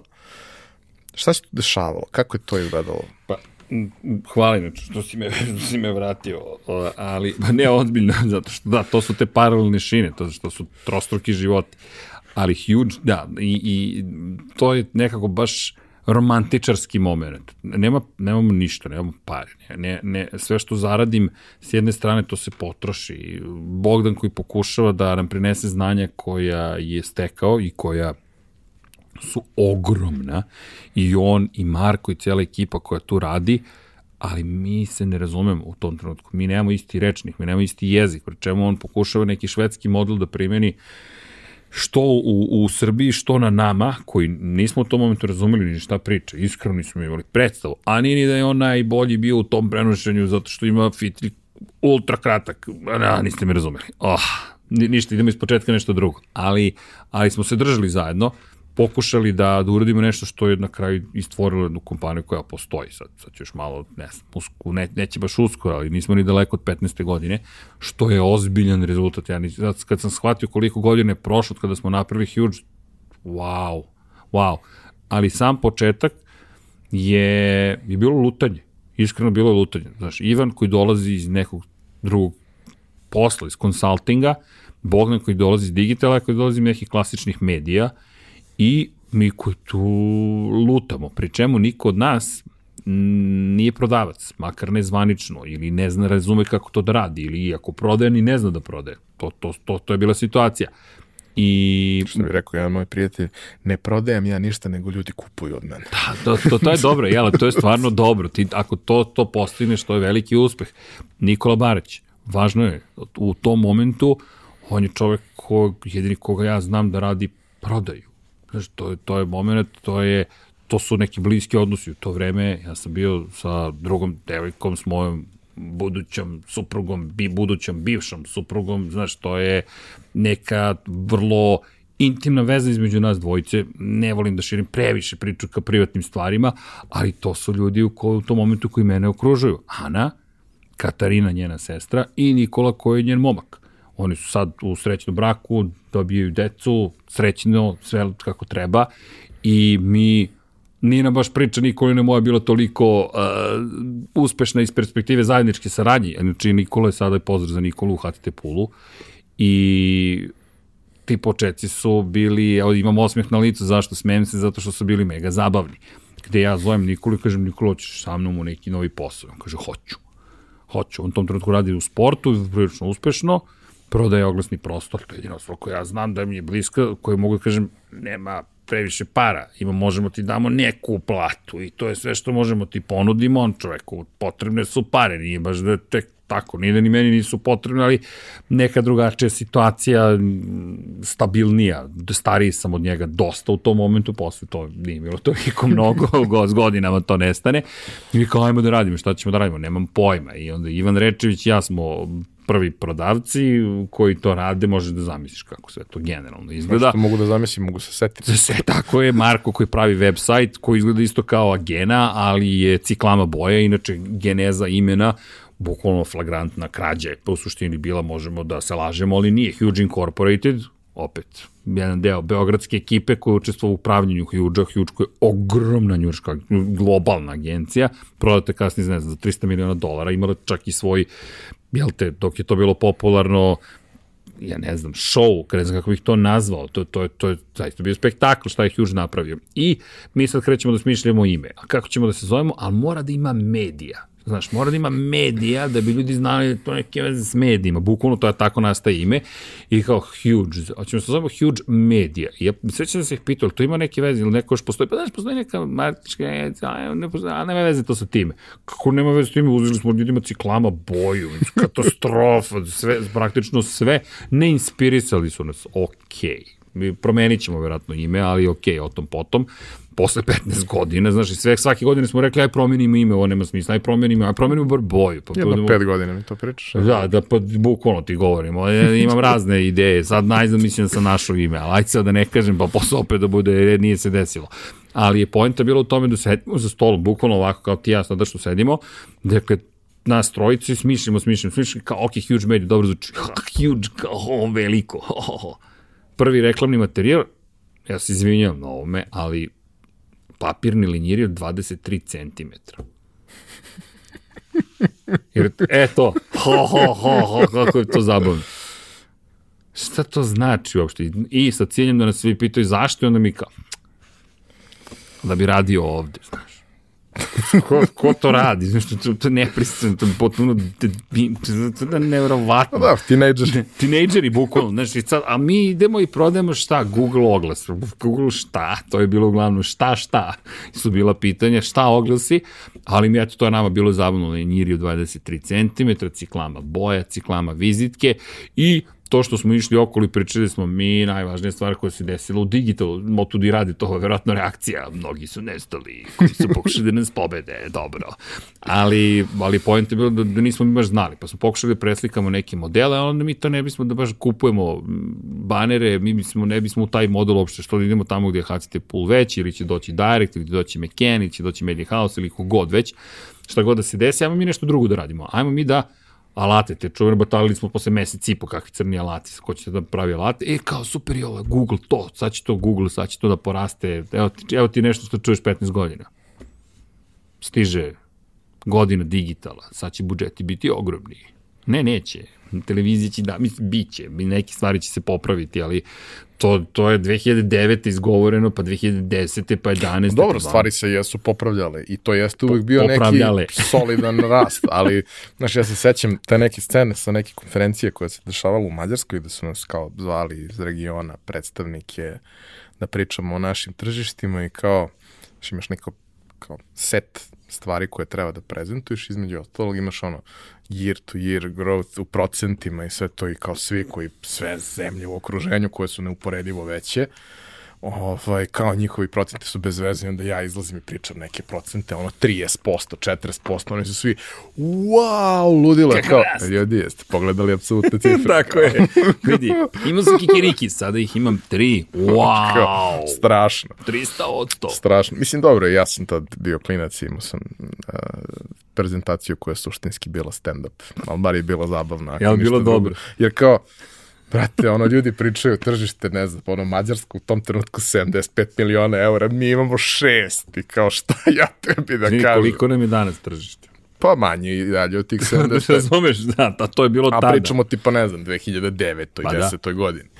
Ovaj, I kao, šta da radimo, kako da radimo, kao, aj bar nek bude zabavno, bit će sve, facts and figures će biti tu, sve okej, okay, ali kao, brate, ja stvarno ne mogu pričam ovo ozbiljno. Posle, posle ono, drugara iz Hrvatske koji su prezentovali svoje, koje je bilo četiri puta veće od našeg u zemlji koja je duplo manja. Ti, da citiram Megaminda, presentation, u tvom slučaju, to je ono što si imao. Je li bila dobra prezentacija?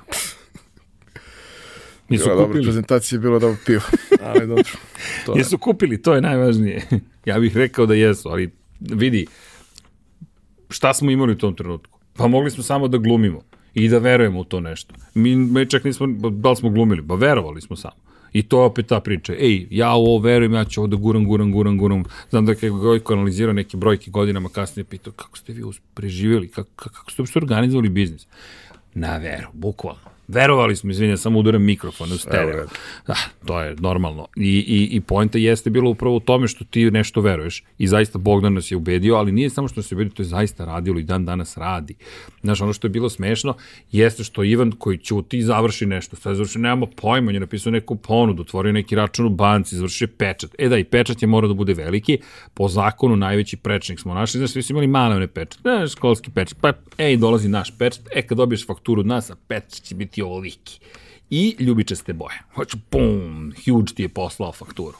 I Ivan Rečević koji Ko stavlja u full, da isporučuješ. tako je, ali u full noti piše dug je loš drug. Jer, zašto da ne? Ne znaš, Ivan koji kaže, e, ali ako neko neće da nam plati, to su sad problemi prednotišta, tražimo menicu. Ja pregovaram s ljudima koji kad im izgovoriš menica te izbace napolje. Ali vremenom i to došlo na red. Kako kaže, menicu, Ivane, si lud, kako da tražim menicu, neće nas niko primiti. Pri čemu? Traži avansnu uplatu u, u oglašavanju u Srbiji. to je bio ceo moj komentar. Mo, dobit će 3%. 3% na 3 dinara je mnogo malo, znaš, ne interesuje ih ti 3%, ali smo nekako preživjeli, znaš, to dok smo shvatili ciklus da nikad nećemo uhvatiti, pa smo direktne troškove prebacili na klijente. Ali, to sad mogu da izgovorim tada, kak, šta su direktni troškovi, šta, šta je bilans stanja, bilans uspeha, nemaš ti pojma o tome, to sve učiš to tek 2015. kad je Gojko došao smo, aha, bilans stanje, bilans uspeha, pa to nije samo dokument koji popuniš zato što moraš. Ne, tu možeš da pratiš lepo svoje poslovanje. Ali dobro, čovjek uči. Elem, 2008. mi smo to pokrenuli i kao nešto smo krenuli, ali suštinski, suštinski smo mi 2009. zapravo počeli zaista da radimo gde, gde ja sam i dalje radio u, u Atika Mediji, pokušavao da završim moj posao, pa onda juriš posle posla na drugi posao, pa pokušaš nešto da stvoriš, pričemu sam ja rekao ljudima da, da, da smo napravili huge, Zoran je u to vreme napravio VMA, koliko se ja sećam, tako da i on razumeo da je web nek, budućnost web media agency. I mi u tom momentu svi negde jurimo digital, ne znamo još uvijek šta će tu da se desi, ali ja radim, znaš, redovan posao. Atika Media kuća, Atika Media kuća Eurosport, Atika Media Eurosport kuća Ludilo, koncert Madone, to se sećam da je bilo kao big deal, ko može da nabavi karte za koncert Madone, ja mogu ja, stigni ti do jaza. No, u svakom slučaju, i da, otišli smo no comment, neka ostane na tome, i pokušavaš da živiš tako, to je pakao. Ja se ugojio maksi, ne znam šta sve nisam, da, da nisam u depresiji, ali sad umoran sam, zašto jednog čovjeka koji je bio veseo od 10 meseci ranije, ne da nisam veseo, ne da ne, ne znam kakav Hanover, ne sećam ga se više, promenio sam tri, dve kompanije i otvorio jednu i planiram da odem u tu treću, ne znam ni šta hoću, ni šta neću, dugovi samo rastu, nije bitno više koliko zarađujem. Zašto? Pa aj na ovaj put, aj na onaj put, ajde kupi ovo, premi ovo, treba ti ovo, uselio si se u novi stan, uselili ste se u novi stan, ajmo ovo, ajmo, ajmo, ajmo. L- ludilo ludilo, ludilo potpuno, ne, ne znam da sam potrošio par, nemam pojma. Znaš, svako smo, ulagali smo u, u, u huge, ja baš se trudio da te sve to što zaradim ekstra, pa da ubacim unutra, platimo neke plate, pa Ivan Rečić daje neke svoje pare.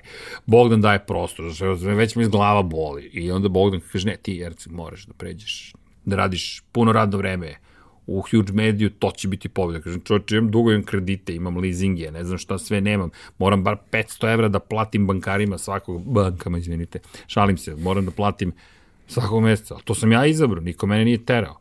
I on me slaže, nije trepno. Ja ti garantujem da ćeš imati platu 500 evra. Samo me nije obavestio da je garancija da će ja to uspeti da postignem sam, znaš, delovalo je da će on to nešto da uradi, ne, ja ću te osloboditi stega, ti bit ćeš mali preduzetnik, hvala Bogdane, ali glava me bolela narednih pet godina, ali ništa on čovjek nije uradio, njegov princip je malo sovjetski metod. Gurneš čoveka u vatru, pa izronit će, znaš, ko piksi, imaš dobar glas, dođi. Eto, izronili smo, ali činjenica, i na tome sam mu se zahvalio, bez obzira na sve, ne bih sad da se izražam, ali mi je dao, hajde da kažemo, srce koje nisam imao do tog trenutka za te stvari. I pitanje da li bih ikad skočio da me nije slagao. Ne, nisam mu se zahvaljivao, dosta sam ga spominjao negativno za tu rečenicu godinama kasnije, ali kad isplivaš na kraju kažeš ok, hvala, jer da me nije povukao na taj način, da me nije prevario de facto, ne bih nikada postigao neke stvari koje sam kasnije postigao. Tako da, hvala mu na tome, ali ne bih išao ponovo tim putem ako ne moram. to, je, to, je, to, je, to je bilo baš zahtevno vreme vrlo zahtevno vreme i ne sećam ga se baš tako rado iz lične perspektive, ali se ga sećam sa velikim osmehom na licu iz perspektive Huge Medije. Znam da je da sam 2009. na početku, kada smo ušli u 2009. Manje više svakodnevnica je bila ista. Ideš, prodaješ, juriš, zoveš, hoćete kupite oglase, to je hoćete kupite oglasni prostor u Kaza Vivi, Salt and Pepe, pozdrav za sve te redakcije, Maximu, Playboyu, Graciji, pokušavaš, boriš se, ne znam, onda naučiš otprilike kad kupuješ papuče i ubacuješ ih u časopis da, naravno, publika plati papuče. Kupiš papuču za euro, povećaš cenu za 2 eura, ali dobili ste papuče. Znaš, me ne znam, sve to model koji je legitiman, nije ilegalan, ali ne, meni je sve to izgledalo tako banalno, znaš, nikog ne vređam, samo ajmo nešto bolje, ajmo drugačije. Pri čemu banalizaciji cele redakcija, ali su se momci i devojke ozbiljno, pre svega devojke i momci trudili i trudili. E, Maksim, Playboy, Laza Jovanović, Aleksandar, čuveni autor kasnije, čovjek koji je tamo sedeo i blejao, znaš, pre nego što je počeo da piše knjige, čovjek sedi i oni luduju, to je, to, to je cirkuzancija bila.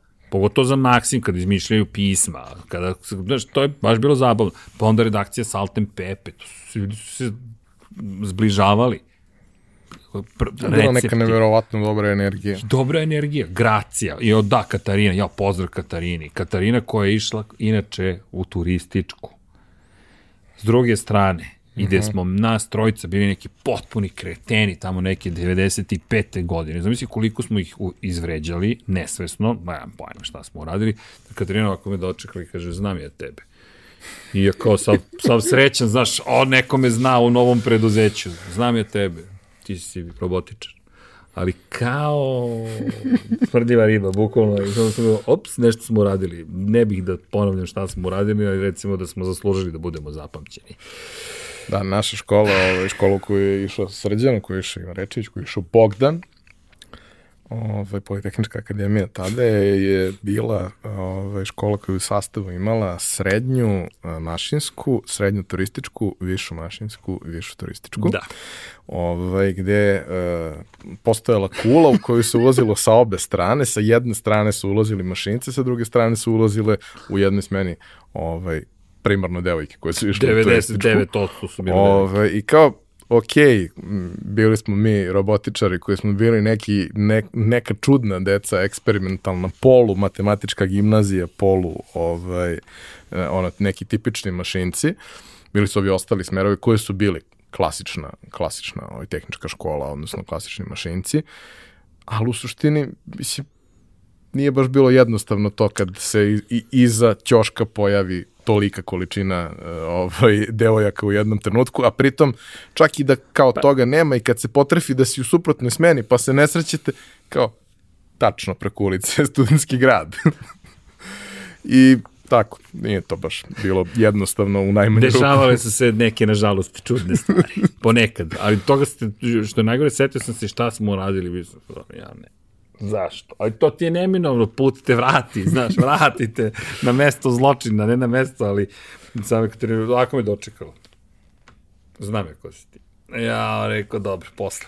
Ali da, pozdrav za Katarinu. Katarina divna. Po, zakopali smo, to jest ona je zakopala tu ratnu sekiru negde u mojoj glavi. U svakom slučaju dođeš i, i bila je super ekipa.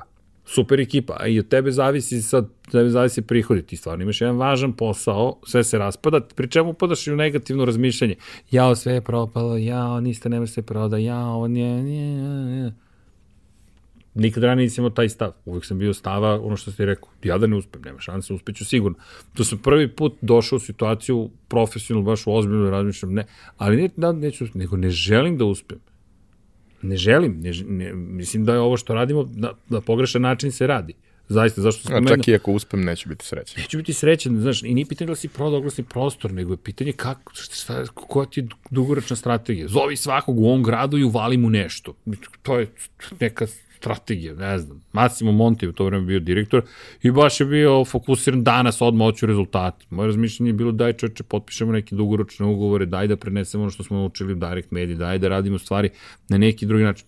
Svaka filozofija ima svoju priču, ne mogu da grešim dušom, čovjek ni nije prisutan pa sad da govori u svoje ime šta su njegova razmišljanja bila. Ali nismo nas dvojice baš nismo razumeli. Baš se nismo razumeli gde je on bio rešen odmah danas da se uspe. Ja sam razmišljao, čekaj, ajde odemo da pričamo s velikim agencijama, ako završimo 60-70% budžeta sa njima, negde imamo neku šansu.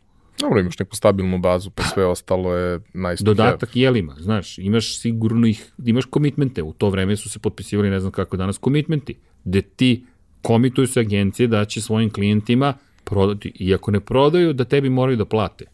To ti je lep posao, to su godišnji ugovori, ti završiš to i onda ideš dalje da prodaješ manjim klijentima. To je ne ni manjim, nego onima koji nemaju agencije, ali postoje pravila igre. Ne ideš iza leđa agencijama. Ne zato što je to ilegalno, nego zato što je to bad form, to nije, to, to nije posao.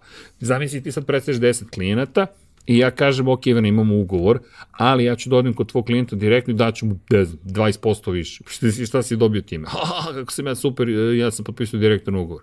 I izgubio devet ovih. Naravno. Meni to nema smisla. Evo ni dan danas nema šanse. Ako ga budeš zvao, super, doći ću vrlo rado da ga pitam koja je logika. Meni to nema logike. I stojim, ali danas sam malo drugačiji. Tad to izgledalo kao da sam ja rešio da ne znam, rušim korporativni sistem. Baš me briga. To, to je jednostavno loš management. I nisam se snašao tu. I, tu, i nemam problem da kažem. To je loš management. Ne možeš tako da upraviš. I ne možeš da kriviš mene ako si ti direktor cele firme, pa svi su drugi krivi. Ne, važi. Ali ja sam ti direktor, radit ćeš kako sam ti ja rekao.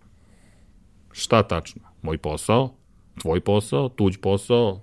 Da skočim kroz prozor? Ne, hvala, ne piše mi ugovor u to. A i nije samo pitanje ugovora. Šta pričaš, čovječe? A dobro, kada si direktor prodaje, onda imaš tu vrstu obaveze da svi zavise na kraju od tebe, Tako što je. baš i nije pa, prijatan osjećaj. Ja to danas radim, prilično uspešno. Nemam problem sa tim. za proizvodu koji veruješ. Tako je, tako je. Između ostalog, i to je jedna od velikih tajni našeg uspeha kasnije meni transparentan model savršeno odgovara. Savršeno mi odgovara transparentan model. Ovde je bio transparentan model, ja nisam imao šta tu da, da, da, da, da lažem. Što, ne, ne želim da la, ne želim. Ali stvar u tome što gradiš odnose. Svi smo mi ljudi. To me Gojko naučio. Znaš, da, ti radiš s korporacijama, to je čovek preko puta. To je čovek. To je neko ljudsko biće. Vezujemo se za neke ljude. Iako to tako često ne izgleda kad pričaš sa korporacijom. Tako je, da ne izgleda tako. Ali, ali, ali, ako možeš da razumeš tu osobu preko puta, ima ljudi koji su zaista neznalice, koji su naporni, koji su teški, koji su zbunjeni na pogrešnom mestu u pogrešno vreme. Ko zna šta im se tu događalo? Nije moje da, ih ja, da im ja sudim ili ne sudim. Moj posao je da uradim moj posao i da nađem načine da mi zadovoljni svi budemo. Ali ono što je hajde, najveće pravilo biznisa, ako, te, ako čoveka boli glava od tebe i tvoje usluge, pa ti ćeš izgubiti to klijenta taman, jedino da mu donosiš tolike pare da može da te trpi. I svakog možeš da prevariš jedno. Tako je. Tako je. Ali, znaš, pojenta je, i, i u tome čak i da ga nisi prevario, ako te boli glava zato što će oni da te zove preko puta, pa to je završena diskusija. Neću da me boli glava, hoću da kad pozovem saradnika mi bude lepo. Hoću, to je ljudski moment, kad Bog dobar posao, man, bit će mnogo bolje ako se ne raspolože. Ali ako je preko puta neko ko je naporan, ko preti, ko te gnjavi, ko te malo... Eto, pusti me na miru. Pusti me, molim te me, pusti na miru i daj da vidimo da zamenimo ovog saradnika. Kad se ukaže prilika. Ima tu jedna dosta bitna stvar, ovaj, ko je gledao prvu epizodu, ako nije trebao da je pogleda, jer ćemo onda biti možda bar deo ovoga o čemu smo pričali ja sam. Ovaj, ali tu ima jedan vrlo bitan deo, a to je što si ti bio taj lik ovaj, od samog početka i ko se seća ovaj, anegdote sa uh, tvojim radom u uh, žurnalu i uh, pozivanjem uh, Claire da. u, u Williamsu. Da. Oh, it's you. pa, ali to jesam ja. Znaš, daš sebe iskreno. Ne da, ja niko ne zna o mom privatnom životu previše. Zašto bi znao o mom privatnom životu? Kakve veze moj privatni život ima sa time? Možda se stiče utisak da se zna, ali suštinski ja sam, ja sam stidljiv čovjek. Suštinski sam stidljiv čovjek. Ja stvarno ne, nemam, nemam tu potrebu da te stvari delim sa svetom. Ti si jedan veoma stidljiv gejzir. može, može, može, ali zaista, ja zapravo sam u suštini stidljiva osoba. Um, vratit ću se ponovo na MotoGP u Barceloni, veliku nagradu Katalonije 2015. godine. Uh, sezona je jako interesantna, svi mi manje više navijamo za Valentina, srđan je neopredeljen, ali mislim, ne možeš, to ti je kao da kažeš, ne znam, meni je Jordan bez veze. Znači, to ne, ne možeš da budeš neopredeljen.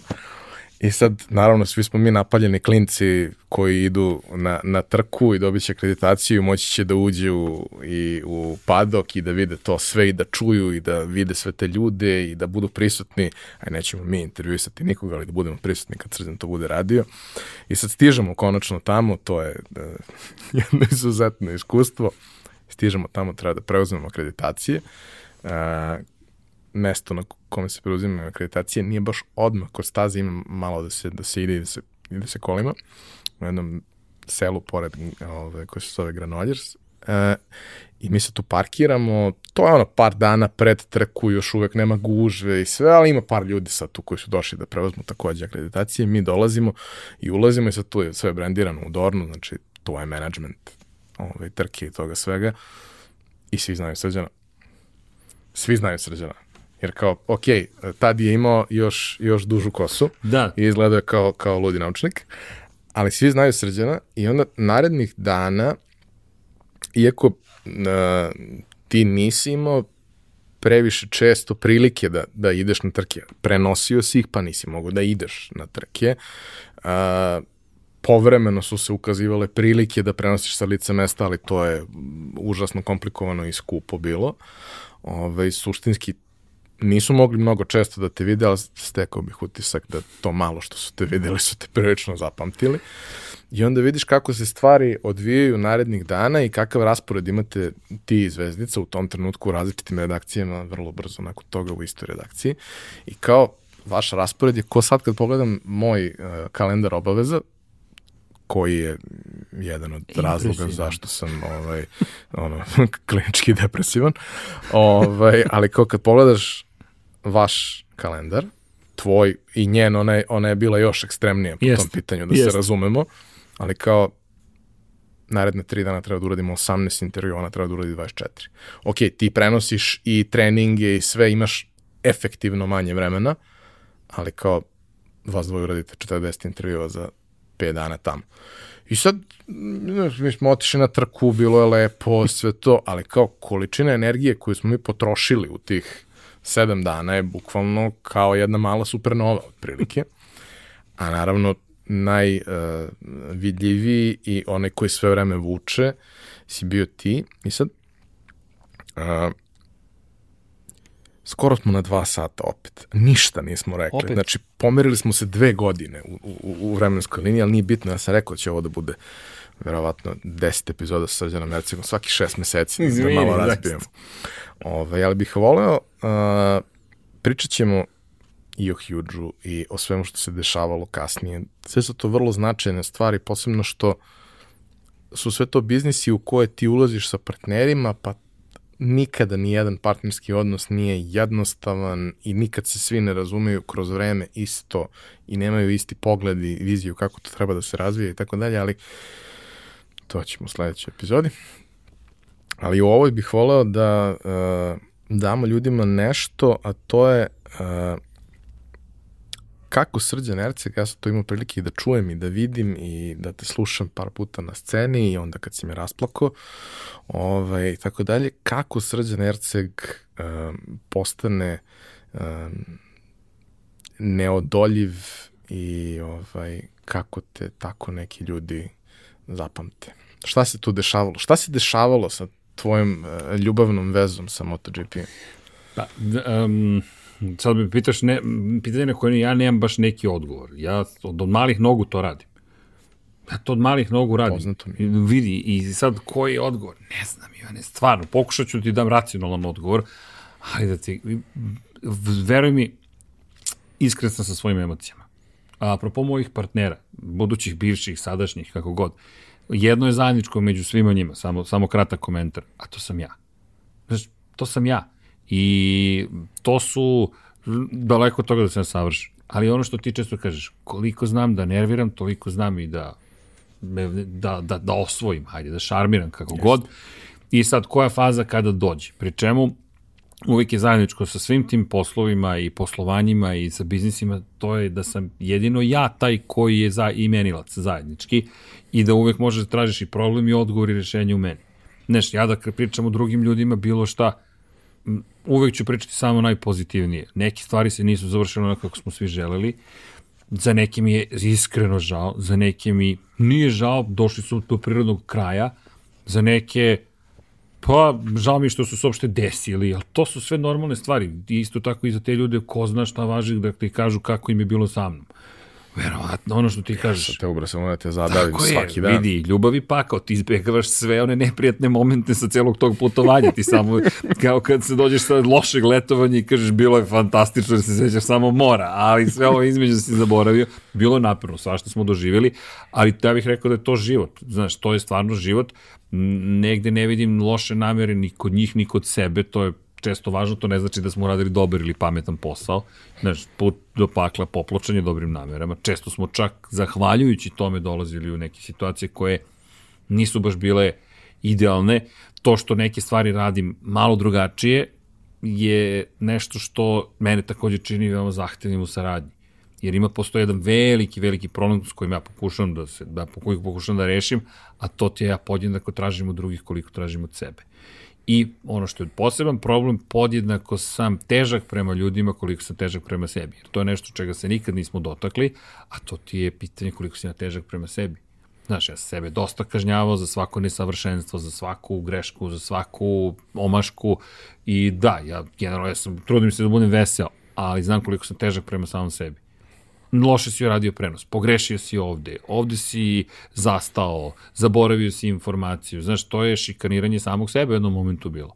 Dok ne se ne opostiš, kaže, čekaj, znaš, i prihvatiš, pa dobro, ne mogu da budem savršen, to je okej, okay. hajde da uradim najbolji mogući posao, a znaš, to ti dođe sa 45, ko zna šta ću sa 50 da mislim. Samo to, to mi je važno negde, mislim da je to važno da podelim, jer počneš koliko god da negde voliš sebe, počneš sebe da ne kažem mrziš, ali toliko opterećuješ da dođeš do nekog stanja koje, gde, si, gde si nesrećan, da radiš nešto što voliš, čemu, zašto, i to je taj stalni pritisak, pritisak, pritisak, pritisak, pritisak, pritisak, pritisak, dok to vršiš nad, nad samim sobom, to je ok, ali timski igrač da bi bio. Nije ok ni da vršiš nad samim sobom. Da, nije ni nad samim sobom, tako je, ti si upravo, to, e, to si super rekao, moraš da voliš sebe.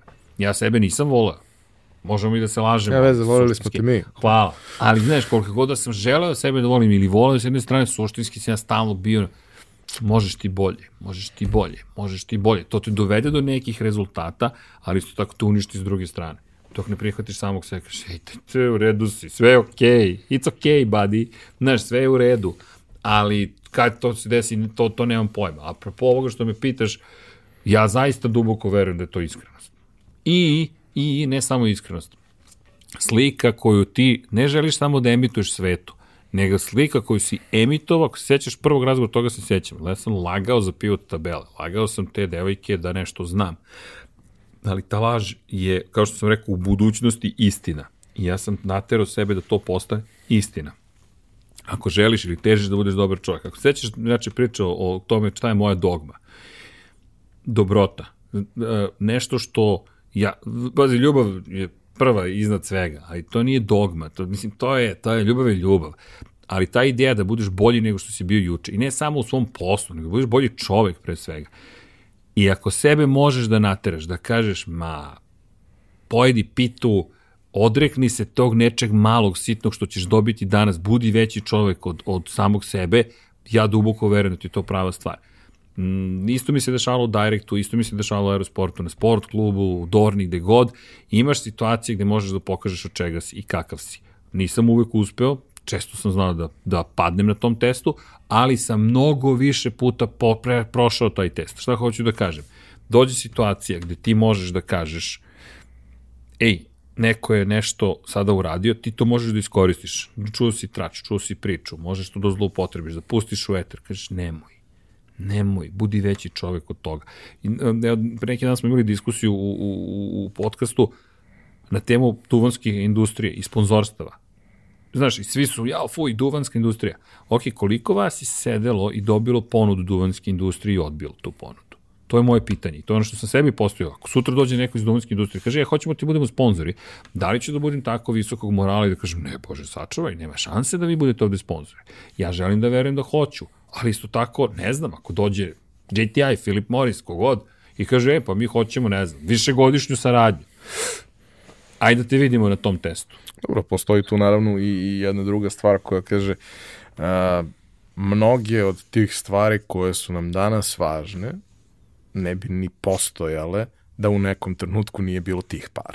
Između ostalog. Znaš, ali ja ne osuđujem duvansku industriju, niti čujte, da, preporuka, nemojte da pušite. Nažalost, ljudi, stvarno, to je, to je, to je, to je, to je problem. Inače, ja kad sam, kad se sećaš, nisi bio tu, ali kad sam završio u bolnici u Barceloni, između ostalog, kada su mislili da sam imao srčani udar, pa su me vozili u taj isti spomenuti granulj, jer se ispostavilo se da zapravo EKG uređaj na stazi ne radi kako treba, što je tek zabrinjavajuće. Za, samo posle, to je tek katastrofa, to sam prijavio Dorni.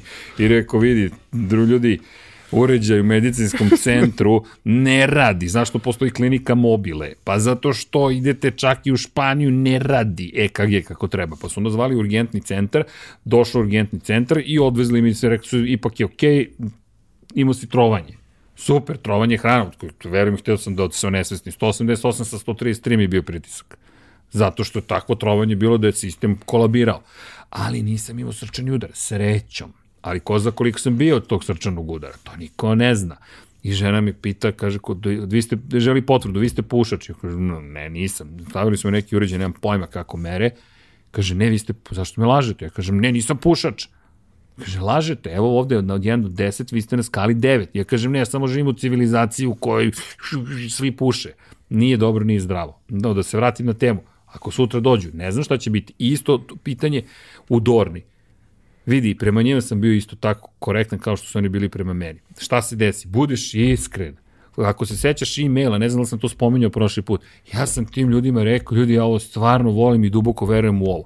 I opet se vraćam na jedno ti isto. Imaš mogućnost, ne, nema lažnog elitizma. Vidi, ako ti pogledaš, mi smo u jednoj vrlo redkoj privi, mega privilegovanoj grupi ljudi po pitanju MotoGP-a. Mega privilegovanoj. Ja, zato što znam tebe. hvala, ali znaš, čak ne znam da ti kažem hvala koliko, koliko je to, meni je čak neverovatno, ali ako pogledaš nas ima koji prenosimo Moto Grand Prix možda ne znam, na planeti Zemlji koliko, 100, 150, 200, Dve, imamo ulaz na neke mesta koje stotine hiljada, milioni ljudi sanjaju. Znaš, ako to pogledaš, ti kažeš, e, šta, treba da mi to udari u glavu. Pa šta sam važniji zbog toga? Ne, nisam. E, to je najveća tajna. Mogu da budem, da izvinete, govno, bukvalno tim rečima, koje stoji i neće da pomogne ljudima koji samo žele da vide svoje junake i da kažem, ja se izvinjavam, to nije moj posao, sam komentator, ja se nisam vas prepoznao, ja znate, ja bih, ali moj šef, bla, bla, bla, bla, bla, bla. E, to je I call bullshit na sve te situacije. To je zapravo manjak, manjak srca znači da ti je samo bitno da ispadneš veći u nekoj svojoj viziji samog sebe, jer ti si sada veći od ostalih zato što možeš nešto što drugi ne mogu, a ne želiš da im otvoriš vrata. Jer pa na, i meni je šef rekao, pa ja ne mogu ništa drugačije da uradim. A jesi otišao i pitao, pitala kako god, da li može drugačije? Pa ne, nisam, znaš što se ne radi. A ko je rekao da se to ne radi? E to ti je, ako hoćeš, evo, to ti je moja najveća tajna. I call bullshit na celu tu priču. Jer kako se to stvori? Neko je nekad rekao, pa ne, to nije tvoj, tvoj posao da ti to radiš. Onda je došao neko novi rekao, pa to nije naš posao da mi to radimo. Onda si ti video od kolega iz Luksemburga, to nije naš posao. Onda su došli Holandjani i rekli, pa ne, to nije naš posao. Onda su došli ovaj pa rekli, nije naš posao. Onda dođe Tobi Moody i kaže, aj uvedemo dva ortaka iz Velike Britanije. Da, mora da vodi računa, Velika Britanija je velika, ima mnogo ljudi, pa i sa ovog regiona dolazi mnogo ljudi, ponekad to može da te prevaziđe, da, to, da te preraste, ne prevaziđe, ali to je, ako ti možeš da nađeš, ja sam tu našao smisao, da kažeš čekaj, da, moj, moj prvi obavez je da budem komentator, da ne budem veći od događaja, ako je to moguće. Dakle, sebe da obuzdam, da ne idem na to da budem veći od događaja. To je mnogo bitno, ti se baviš događajem. Zašto neću da pričam o tetkama, stričajima, babama? Neću, oni su nevažni. Iako si to To ti je bio prvi intervju. Prvi bio intervju, ali tad sam to legitimno radio, ali, ali zanimljivo je. Ali poenta jeste da ti je treba da prenosiš trke MotoGP-a i da, da preneseš svoju ljubav za to, a ne ja znam bolje, ja znam više, ja znam ko je, s kim je on spavao juče. Znam, neću vam reći. Zašto? To se nikog ne tiče. Šta se to mene tiče s kim je on spavao? Mene se tiče kako on vozi. I onda dođeš na tu situaciju. Mi smo na stazi. Ja sam sebi dao za bukvalno pravo, za moralnu obavezu, društvenu obavezu, da na taj način utičem na društvo. Bukvalno, mi smo javne ličnosti. Ti si javna ličnost, ja sam javna ličnost. U manjoj ili većoj meri. Znaš, nismo mi, ne znam, hollywoodski glumci, oni ne su mi zamisli kakvi su njihovi životi. Ja, nažalost, ja se izvinjam svima koji mi eventualno pišu, ne govorim, ja ljudi, stvarno, to sam isto doživio, nisam verao da ću ikada doživjeti, da ne stižem da se javim ljudima. Ne stižem, nisam ja ništa specijalno, neka zvezda. Ne, ja samo ne stižem da se javim, ne mogu, Ivane, to dođe po sto poruka po nekad dnevno. Ja ne stižem. Znaš, pored svega što radim, a to nije lepo. Znam. Ti, na tebi ne stižem da se javim, znaš, koji si mi prijatelj. Znaš, mi smo bliski, koliko god se redko ili, ili često čujemo. Nema toga. I da se vratim no, i sad ja stojim pored neke ograde. Ja imam mogućnost da nekome otvorim vrata njegovog sna, njenog sna, njihovog sna. Pa ako to ne uradim, čemu sve to?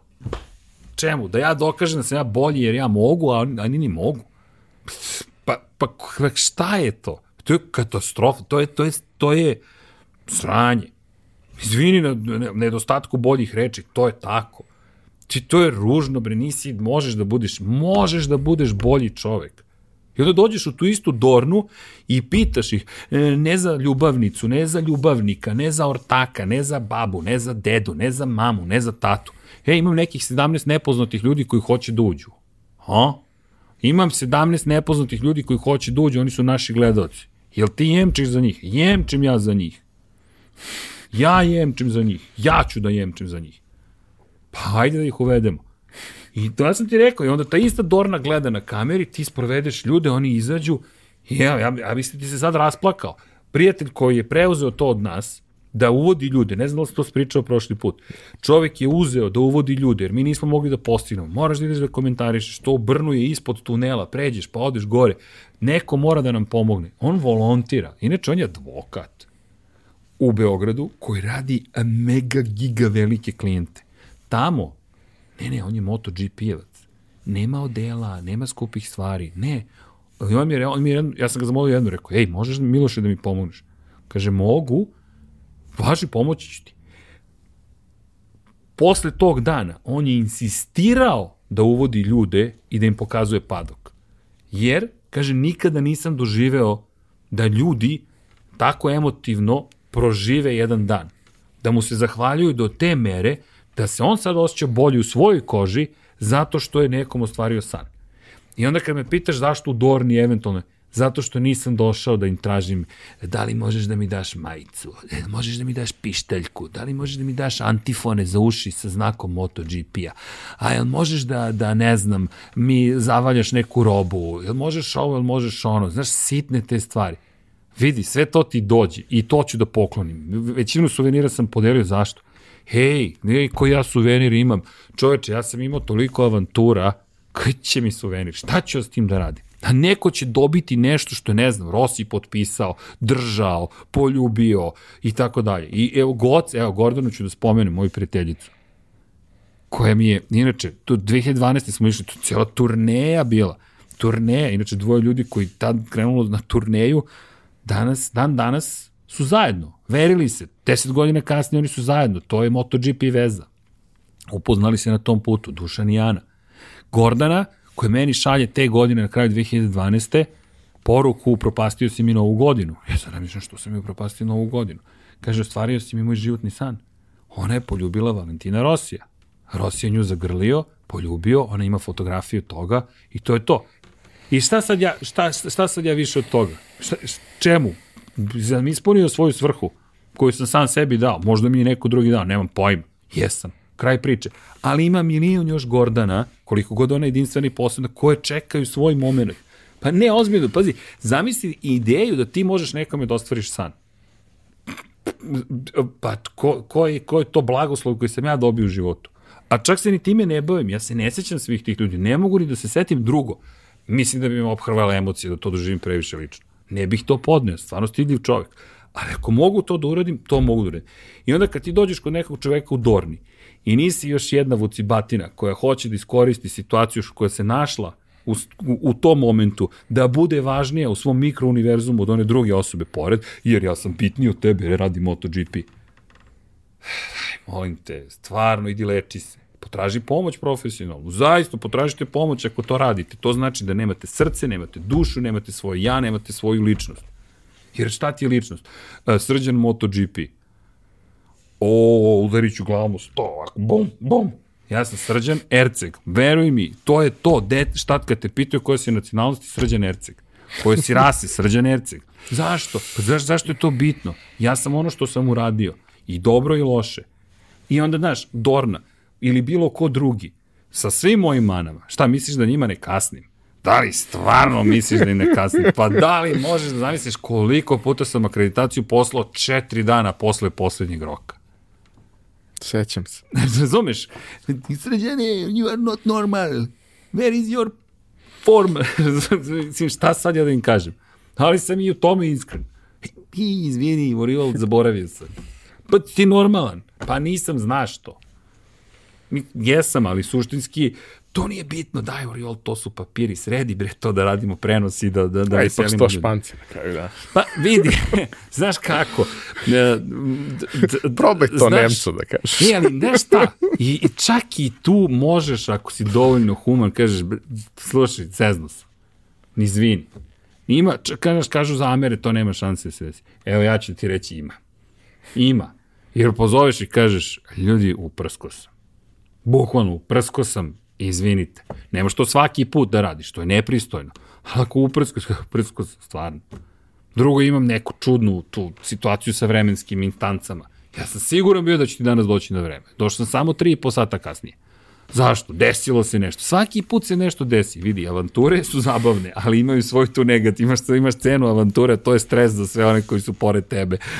Hoćemo li ikada otići? Ja sam ima kažem, sve će se to desiti. Kada? To je drugo pitanje, ali će se desiti. I eto, to ti je cela priča. I drugo, što imamo neku ludu sreću ponekad. Znaš, snima Dorna video, ja, ispostavi se da sedi tu Remy Gardner i da je raspoložen da baca loptu koju smo mi donali za američki futbol. I to ti završi u sekvenciji za veliku nagradu Katalonije. Zašto? Otkud znam? Zato što smo se zabavljali. Drugo što sam brza fotografija. Ha, kamera. Ha. Mislim, ja volim kameru. Što sad? To, to, to je tako. Upali ste kameru, ali čekaj. Znaš, mislim, meni to zabavno, ja to volim, pito, nemam neko tu racionalno objašnjenje, samo volim.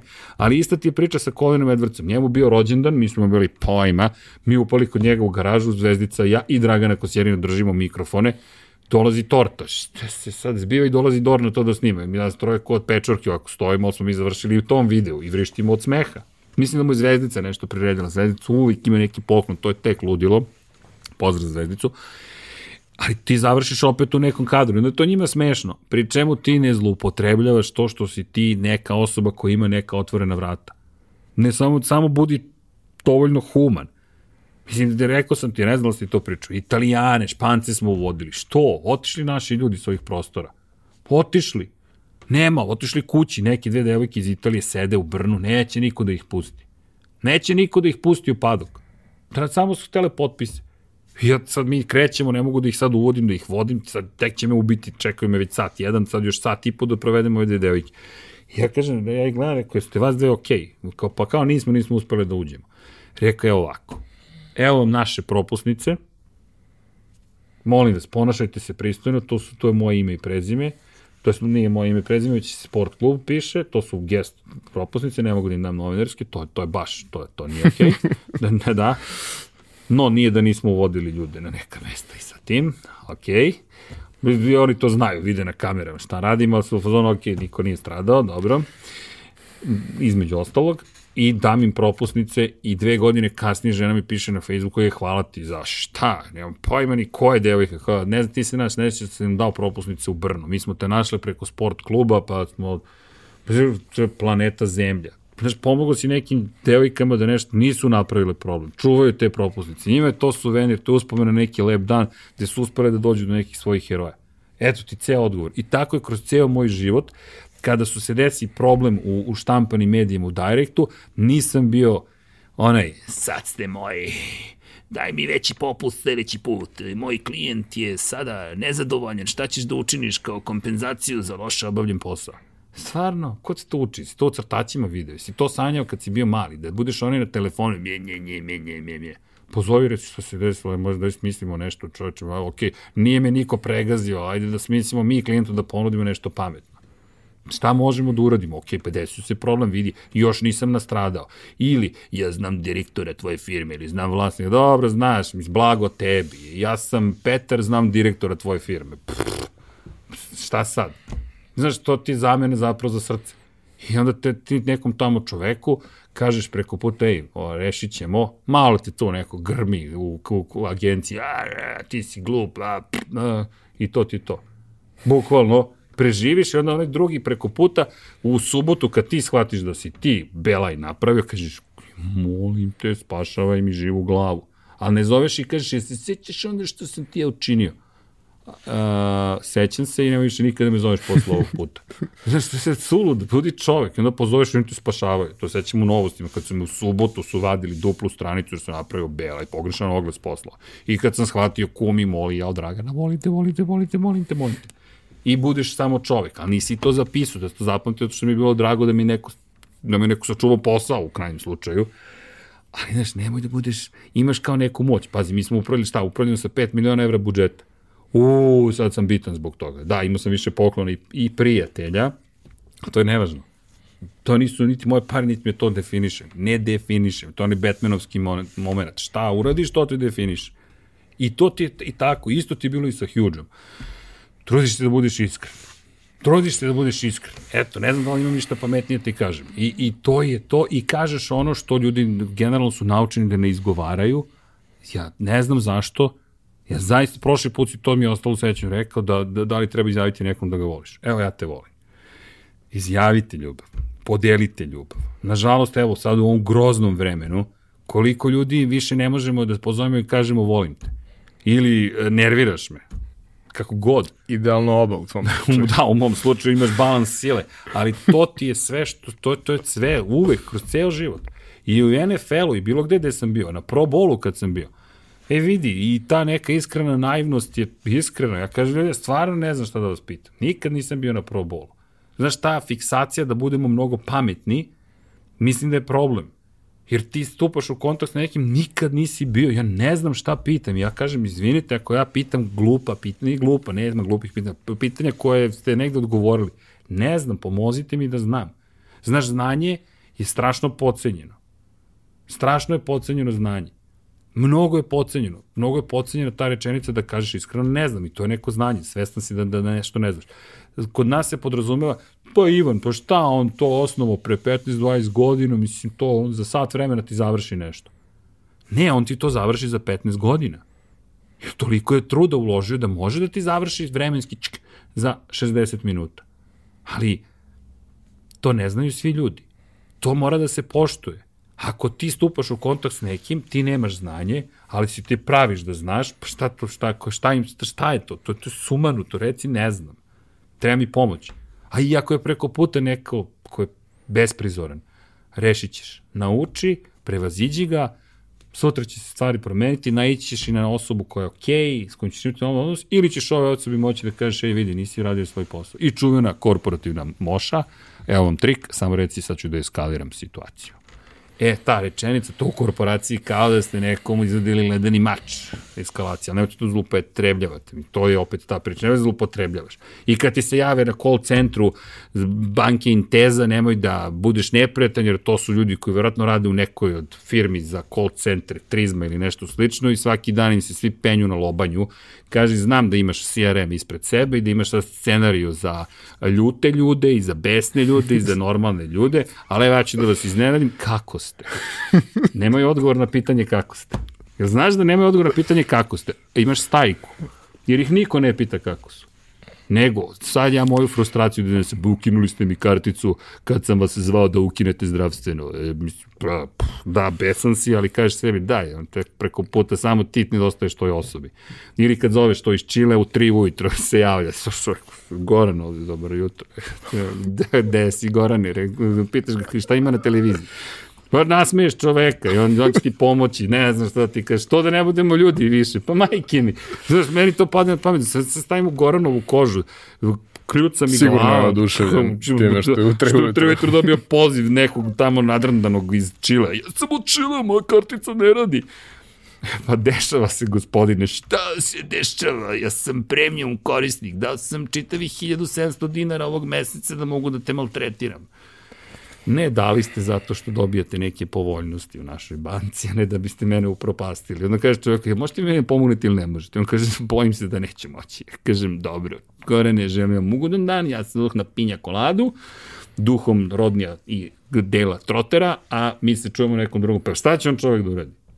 Šta, šta kao, on će da pobedi sistem banke, bilo koje. To je onaj moment, yeah. pominjao sam to, mislim, kad je, kad je Lazar ovaj, Žepinić bio u, u, u jednoj od epizoda, gde kao, kad smo ostali zaglavljeni u Americi, i sad ideš u prodavnicu svaki dan i po defaultu kad dođeš na kasu je hey, how are you doing?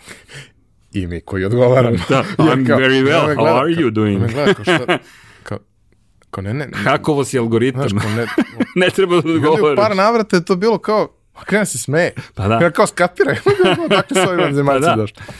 Ali je se A, nasmeju? Ne uvek. Ali ponekad. Pa ponekad i to je obično bolje od, od onoga što bi dobio po defaultu. A ni, vidi, ja sam, ne znam, ja pitam da su u Njurku, hi sir, how are you? Ja kažem, I'm fan, I'm, I'm great, I'm, I'm perfect, how are you? I'm very well, I have a job. To mi je danas odgovorio. Kako bih ti rekao? Zaključio bih ovaj razgovor, pošto nema Na svrhe. Na 2 i 18. Smo, da, već smo pregazili, ja mislim, najdužu epizodu, s tim što je u tvom slučaju to već drugi deo. Jao, a... znaš što mi pada na pamet, izvini kada si rekao, ovo snimamo, da smem da kažem datum. Ne smeš. Ne smem, ok, snimamo u jednom momentu. u vremenu. O, da, u vremenu, ali da, da znaš, sledeće nedelje planiramo, još nije potvrđeno, da oborimo rekord po dužini podcasta. 37 sati da li bi se pridružio ekipi makar u trenutku da, da, da, da u pokušaju obaranja tog rekorda ja povedeš da neko vreme sa nama. Te, koliko znači, god. Ja mogu da izguram dođeš 8, da se malo družimo. sam snimio za jedan dan, ali voljan sam da probam. Vidi, imaćemo, miksovat ćemo. Zovi Znaš, me, samo me zovi dan ranije, da, molim. Ne moram tog dana, okej. Okay. Izvini. 2012. godine. Da. Mi sedimo u Huge na terasi. Dobro. Gledamo u Kalemegdan. Dobro. Pijemo pivo. Dobro. Ivan Rečević sprema falafel. Ja u tom trenutku ne znam šta je falafel. Niko ne zna, samo Ali sam u fazonu, ne možeš da odbiješ Ivana Rečevića. Ne. Jednostavno, šta god je u pitanju. Kao jeste, malo izgleda... Pa kamoli hrana. Da ne, da ne opisujem kako izgleda. Ima Drugačije. sa mačkama. Ove, ovaj, ali kao, Mm, I onda je to zapravo bilo dobro, ali ne, vidite, mi sad sedimo na terasi, ja sam se vratio ove, ovaj, sa olimpijskih igara u Londonu, život ima smisla, uh, mo, možda, ovaj, sedim, sedim i kažem, ja te, ostala mi je viza za UK validna još tri meseca. Nemam para, jer sve se raspada, to je 2012. godina, sve se raspalo. Nemam para, ne bi mogao da odem u neki London, nešto malo da mi bude lepo i to sve. Ali mogu bi da gledam United nekad možda u životu. Kako se kupuju karte? Sad ja sedim gledam. Vidi ima, ima ova utakmica protiv Southamptona kao 15 dana ovaj, pre isteka moje vize. Ma nemoguće da ima karta. I gledam ovako. Ima jedna karta. Jedna zelena karta. Tipa deseti red. Znači, teren je tu. 40 funti. Iako, klik, buy, prođe ceo proces, ja sam kupio kartu, ispostavilo se da suštinski karata nema, nego to su one karte koje ljudi znaju da neće doći, pa su ih vratili u pool. I kao ja sam kupio kartu. I sedim i kažem, sam kupio kartu, tu je Heitel, koji je navijač United, Jel te? tu si ti. I imamo mi drugara, kao, a ja sam kupio kartu i ja idem na utakmicu sam. I kao, još nisam gledao koliko su avionske, ali računam ima neka kombinacija da se nešto Low cost neki. da se preleti nekako do tamo, naći ću ono, spavaću na ulici, nije važno, to je jedna noć. Ovaj, I boga mi bilo je u jednom trenutku par godina kasnije blizu, ali bilo je bitno da se ode. I vi koji ste u fazonu, imamo mi drugara kao, ajde ga pitamo za hotel, ajde ga pitamo za ovo, za ono, spojite me sa čovekom. Mi uđemo u neku priču, objasnimo genezu bolesti. Ovaj, I on kao, a, ne mogu da idem na utakmicu taj dan, imam neke obaveze, neću moći da idem sa njim i tako dalje, ali kao, mogu da ga provedem, mogu da mu pokažem neke stvari i to sve. Ja sam otišao na 36 sati u Manchester, sam, naravno bila je kiša svih 36 sati. Došao tamo, prošetao se po centru grada, prespavao tu noć, mislim da prošetao se po centru grada, ja sam to, to veče napravio nešto tipa 17 km sam, kao ludak okolo, nije ni važno. Vratio se do hotela, prespavao, sutradan se čuo sa polom, otišao na, na pivo, on me proveo malo kroz te neke ovaj, pubove a, oko stadiona gde se okupljaju navijači, pokazao mi neke stvari. Otišao sam na utakmicu, Nemanja je bio kapiten, United je dobio 3-1, ja sam bio tačno pored navijača ovaj, Southamptona, bilo je, bilo je fantastično, sutra ujutru sam otišao na uh, turu muzejem koju nisam mogao da bukiram, jer nije bilo mesta. Ali mi je bilo glupo da ne pošaljem mail i da ne pitam i naravno da su me pustili kad sam poslao mail. Isto tako su me pet godina kasnije pustili da uđem da, sa, sa prijateljima u Bundestag, iako nije bilo mesta, jer kao ja kad napišem mail, vrlo je teško čak i tom hladnom Nemcu sa druge strane da bude ravnodušan i da kaže ne, ne, ne možete, vas četvoro ne možete nikako da uđete. Svi- Naravno da možete. Molim vas, značilo bi mi, ne znam kad ću ponovo imati priliku. Obišao sam turu muzejom, sedeo sam na Njemanjinom mestu u slučionici, vodič je na početku pitao ko navija za, e, za, koga, za koji klub navijate, svi smo rekli za United, ima neko da navija za još neki klub, ja sam rekao navijam za Zvezdu, rekao, "Jel tako? Dobro imamo za tebe neke specijalne stvari. Onda kad smo došli do slučajnice, e ti možeš da sedneš na mesto kapitena, kad smo prolazili kroz muzej, kroz deo, e vidiš, ovo će tebi da bude jako interesantno. Sve je bilo interesantno. Taj deo koji je posvećen ovaj meču koji su igrali United i Zvezda pred Minhensku tragediju je svakako veliki deo u muzeju interesantan, ali kao ništa od toga se ne bi desilo da nisam sedao s nekim ludacima na nekoj terasi, nismo pričali, da me oni nisu upoznali sa drugarom s kojim se dan danas čujem. Ovaj, komentarišemo redovno deprimirajuću stvarnost našeg kluba. Ništa ne komentarišem. ovaj, ali kao kada uradiš neke stvari koje si ti uradio, pokažeš ljudima da to može da se desi. I kad pokažeš ljudima da to može da se desi, daješ im uh, pravo i daješ im hrabrost da i oni nešto probaju, jer nisam srđan Erceg, ali mogu da pokušam. Ja sam jednostavno, nije to ništa specijalno. Nisi, jedna, sve si, sve si, Okej. samo nisi Ali, jednostavan. da, ali Ti si jedan od najdivnijih ljudi na ovom svetu. Hvala. A, neću više da, ne, nije pojenta se sad rasplačemo obojice ovde, to ćemo posle kad ugasimo kamere. Hvala ti što si bio, dobro je, napredovali smo dve godine Smo nešto za dva rekli, sata. da Ima pitam. nade. Ono što je sigurno, e, vi u komentarima pišite, dakle, ako, ako budete bili u stanju da ovo odslušate, a začuđujući broj ljudi je odslušao prvu, prvu epizodu svega ovo, možemo mi ovo da pretvorimo u recimo jednom mesečno, da pričamo, da kad prođemo vremensku liniju, onda možemo samo o životu da pričamo. Jer ja u suštini sa osobom kao što si ti uvek mogu da pričam o svemu i iz svega toga uvek postoji neverovatan broj lekcija o hrabrosti, ljubavi, energiji i, i, i, i, i tome šta možeš da uradiš ako imaš srce ili muda ili šta već. Srđo, hvala što si bio. Mogli smo možda još, Hvala još tebi. malo da odmotamo, ali nema veze.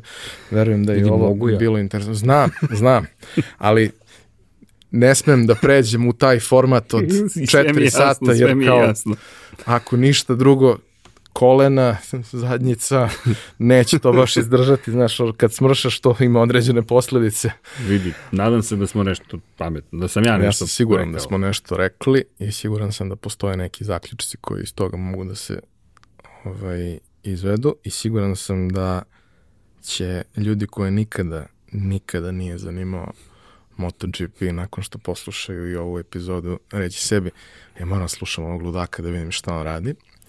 Ovaj, ja kada to krenu, onda se dešava magija i onda zapravo vidiš da tamo postoje neki, ovaj, kad sam ja to krenuo da gledam, bili su uh, četiri vanzemaljca, sad ih više nema, ovaj, ali postoje neki fantastični ljudi koji rade neke nevjerovatne stvari i jedan, jedan lud čovek koji je u stanju da satima i satima sam sa sobom u crnu kutiju priča i pokušava da nas zabavi i pokušava da nam da kontekst i omogući nam da razumemo sve, te stvari. Mi smo išli na tu trku. Znao sam ja osnovne stvari, znao sam ono ka, kako to obično ide u moj, mojoj glavi, znao sam ko je bio šampion, znao sam ko je najbolji, koje su ekipe i sve to. Znao sam sve statističke podatke. Nisam razumeo kako, zašto, nisam shvatao zašto bi trebalo da mi bude stalo. Zašto bi trebalo da me zainteresuje taj Ducati, dok mi ti nisi objasnio da treba da me interesuje Ducati, jer to su neki ludaci koji su napravili nešto, što Ozbiljno. ne može da se vozi, ali postoje neki ljudi koji očigledno mogu. I mm, to je, to je tvoj uh, dar i tvoj usud. I hvala ti na tome i hvala ti na tome Hvala što si tebi. bio danas. Vidim da si umoran. Ovaj, a e, ko, je, ko isprati šta radite na Infinity uh, Lighthouse-u uh, može da skapira i zašto si umoran, jer pored redovnog posla komentarisanja ti sad manje više svaki dan prenosiš i uh, sletanje na Mars i uh, letenje raketa i sve. Sve. Sve ono Da. što treba da pokrije jedan ovaj, čuvar galaksije. Srđo, još jednom hvala, nikad neću zatvoriti ovu emisiju. Hvala tebi. Još jednom hvala tebi, hvala vama što ste nas slušali, što ste izdržali. Obećavam, nećemo više snimamo podcaste od dva i po sata. Dva sata je, ja mislim, sasvim okej. Ovaj, hvala divnim ljudima iz Epsona koji, koji nas trpe, podržavaju ovaj, i omogućuju da se sve ovo dešava u kontinuitetu bez obzira na, na ne tako sjajne ovaj, poslovno društvene okolnosti. I kao i do sada, ovaj, e, sve vaše komentare, predloge, sugestije, pitanja za ovog ovde vilenjaka postavljajte ovaj, u komentarima na, na YouTube-u i na društvenim mrežama. Ja ću ga iscimati i sigurno ću nekad dobiti odgovor ovaj, i preneti ga a, u vaše ime. Bilo je divnih komentara prošli put i potpuno ovaj, neverovatnih. A, to bi bilo to. Mi se, mi se čujemo i vidimo sledeće nedelje. A njega možete svaki dan da gledate na YouTube, najčešće live. Vidimo se.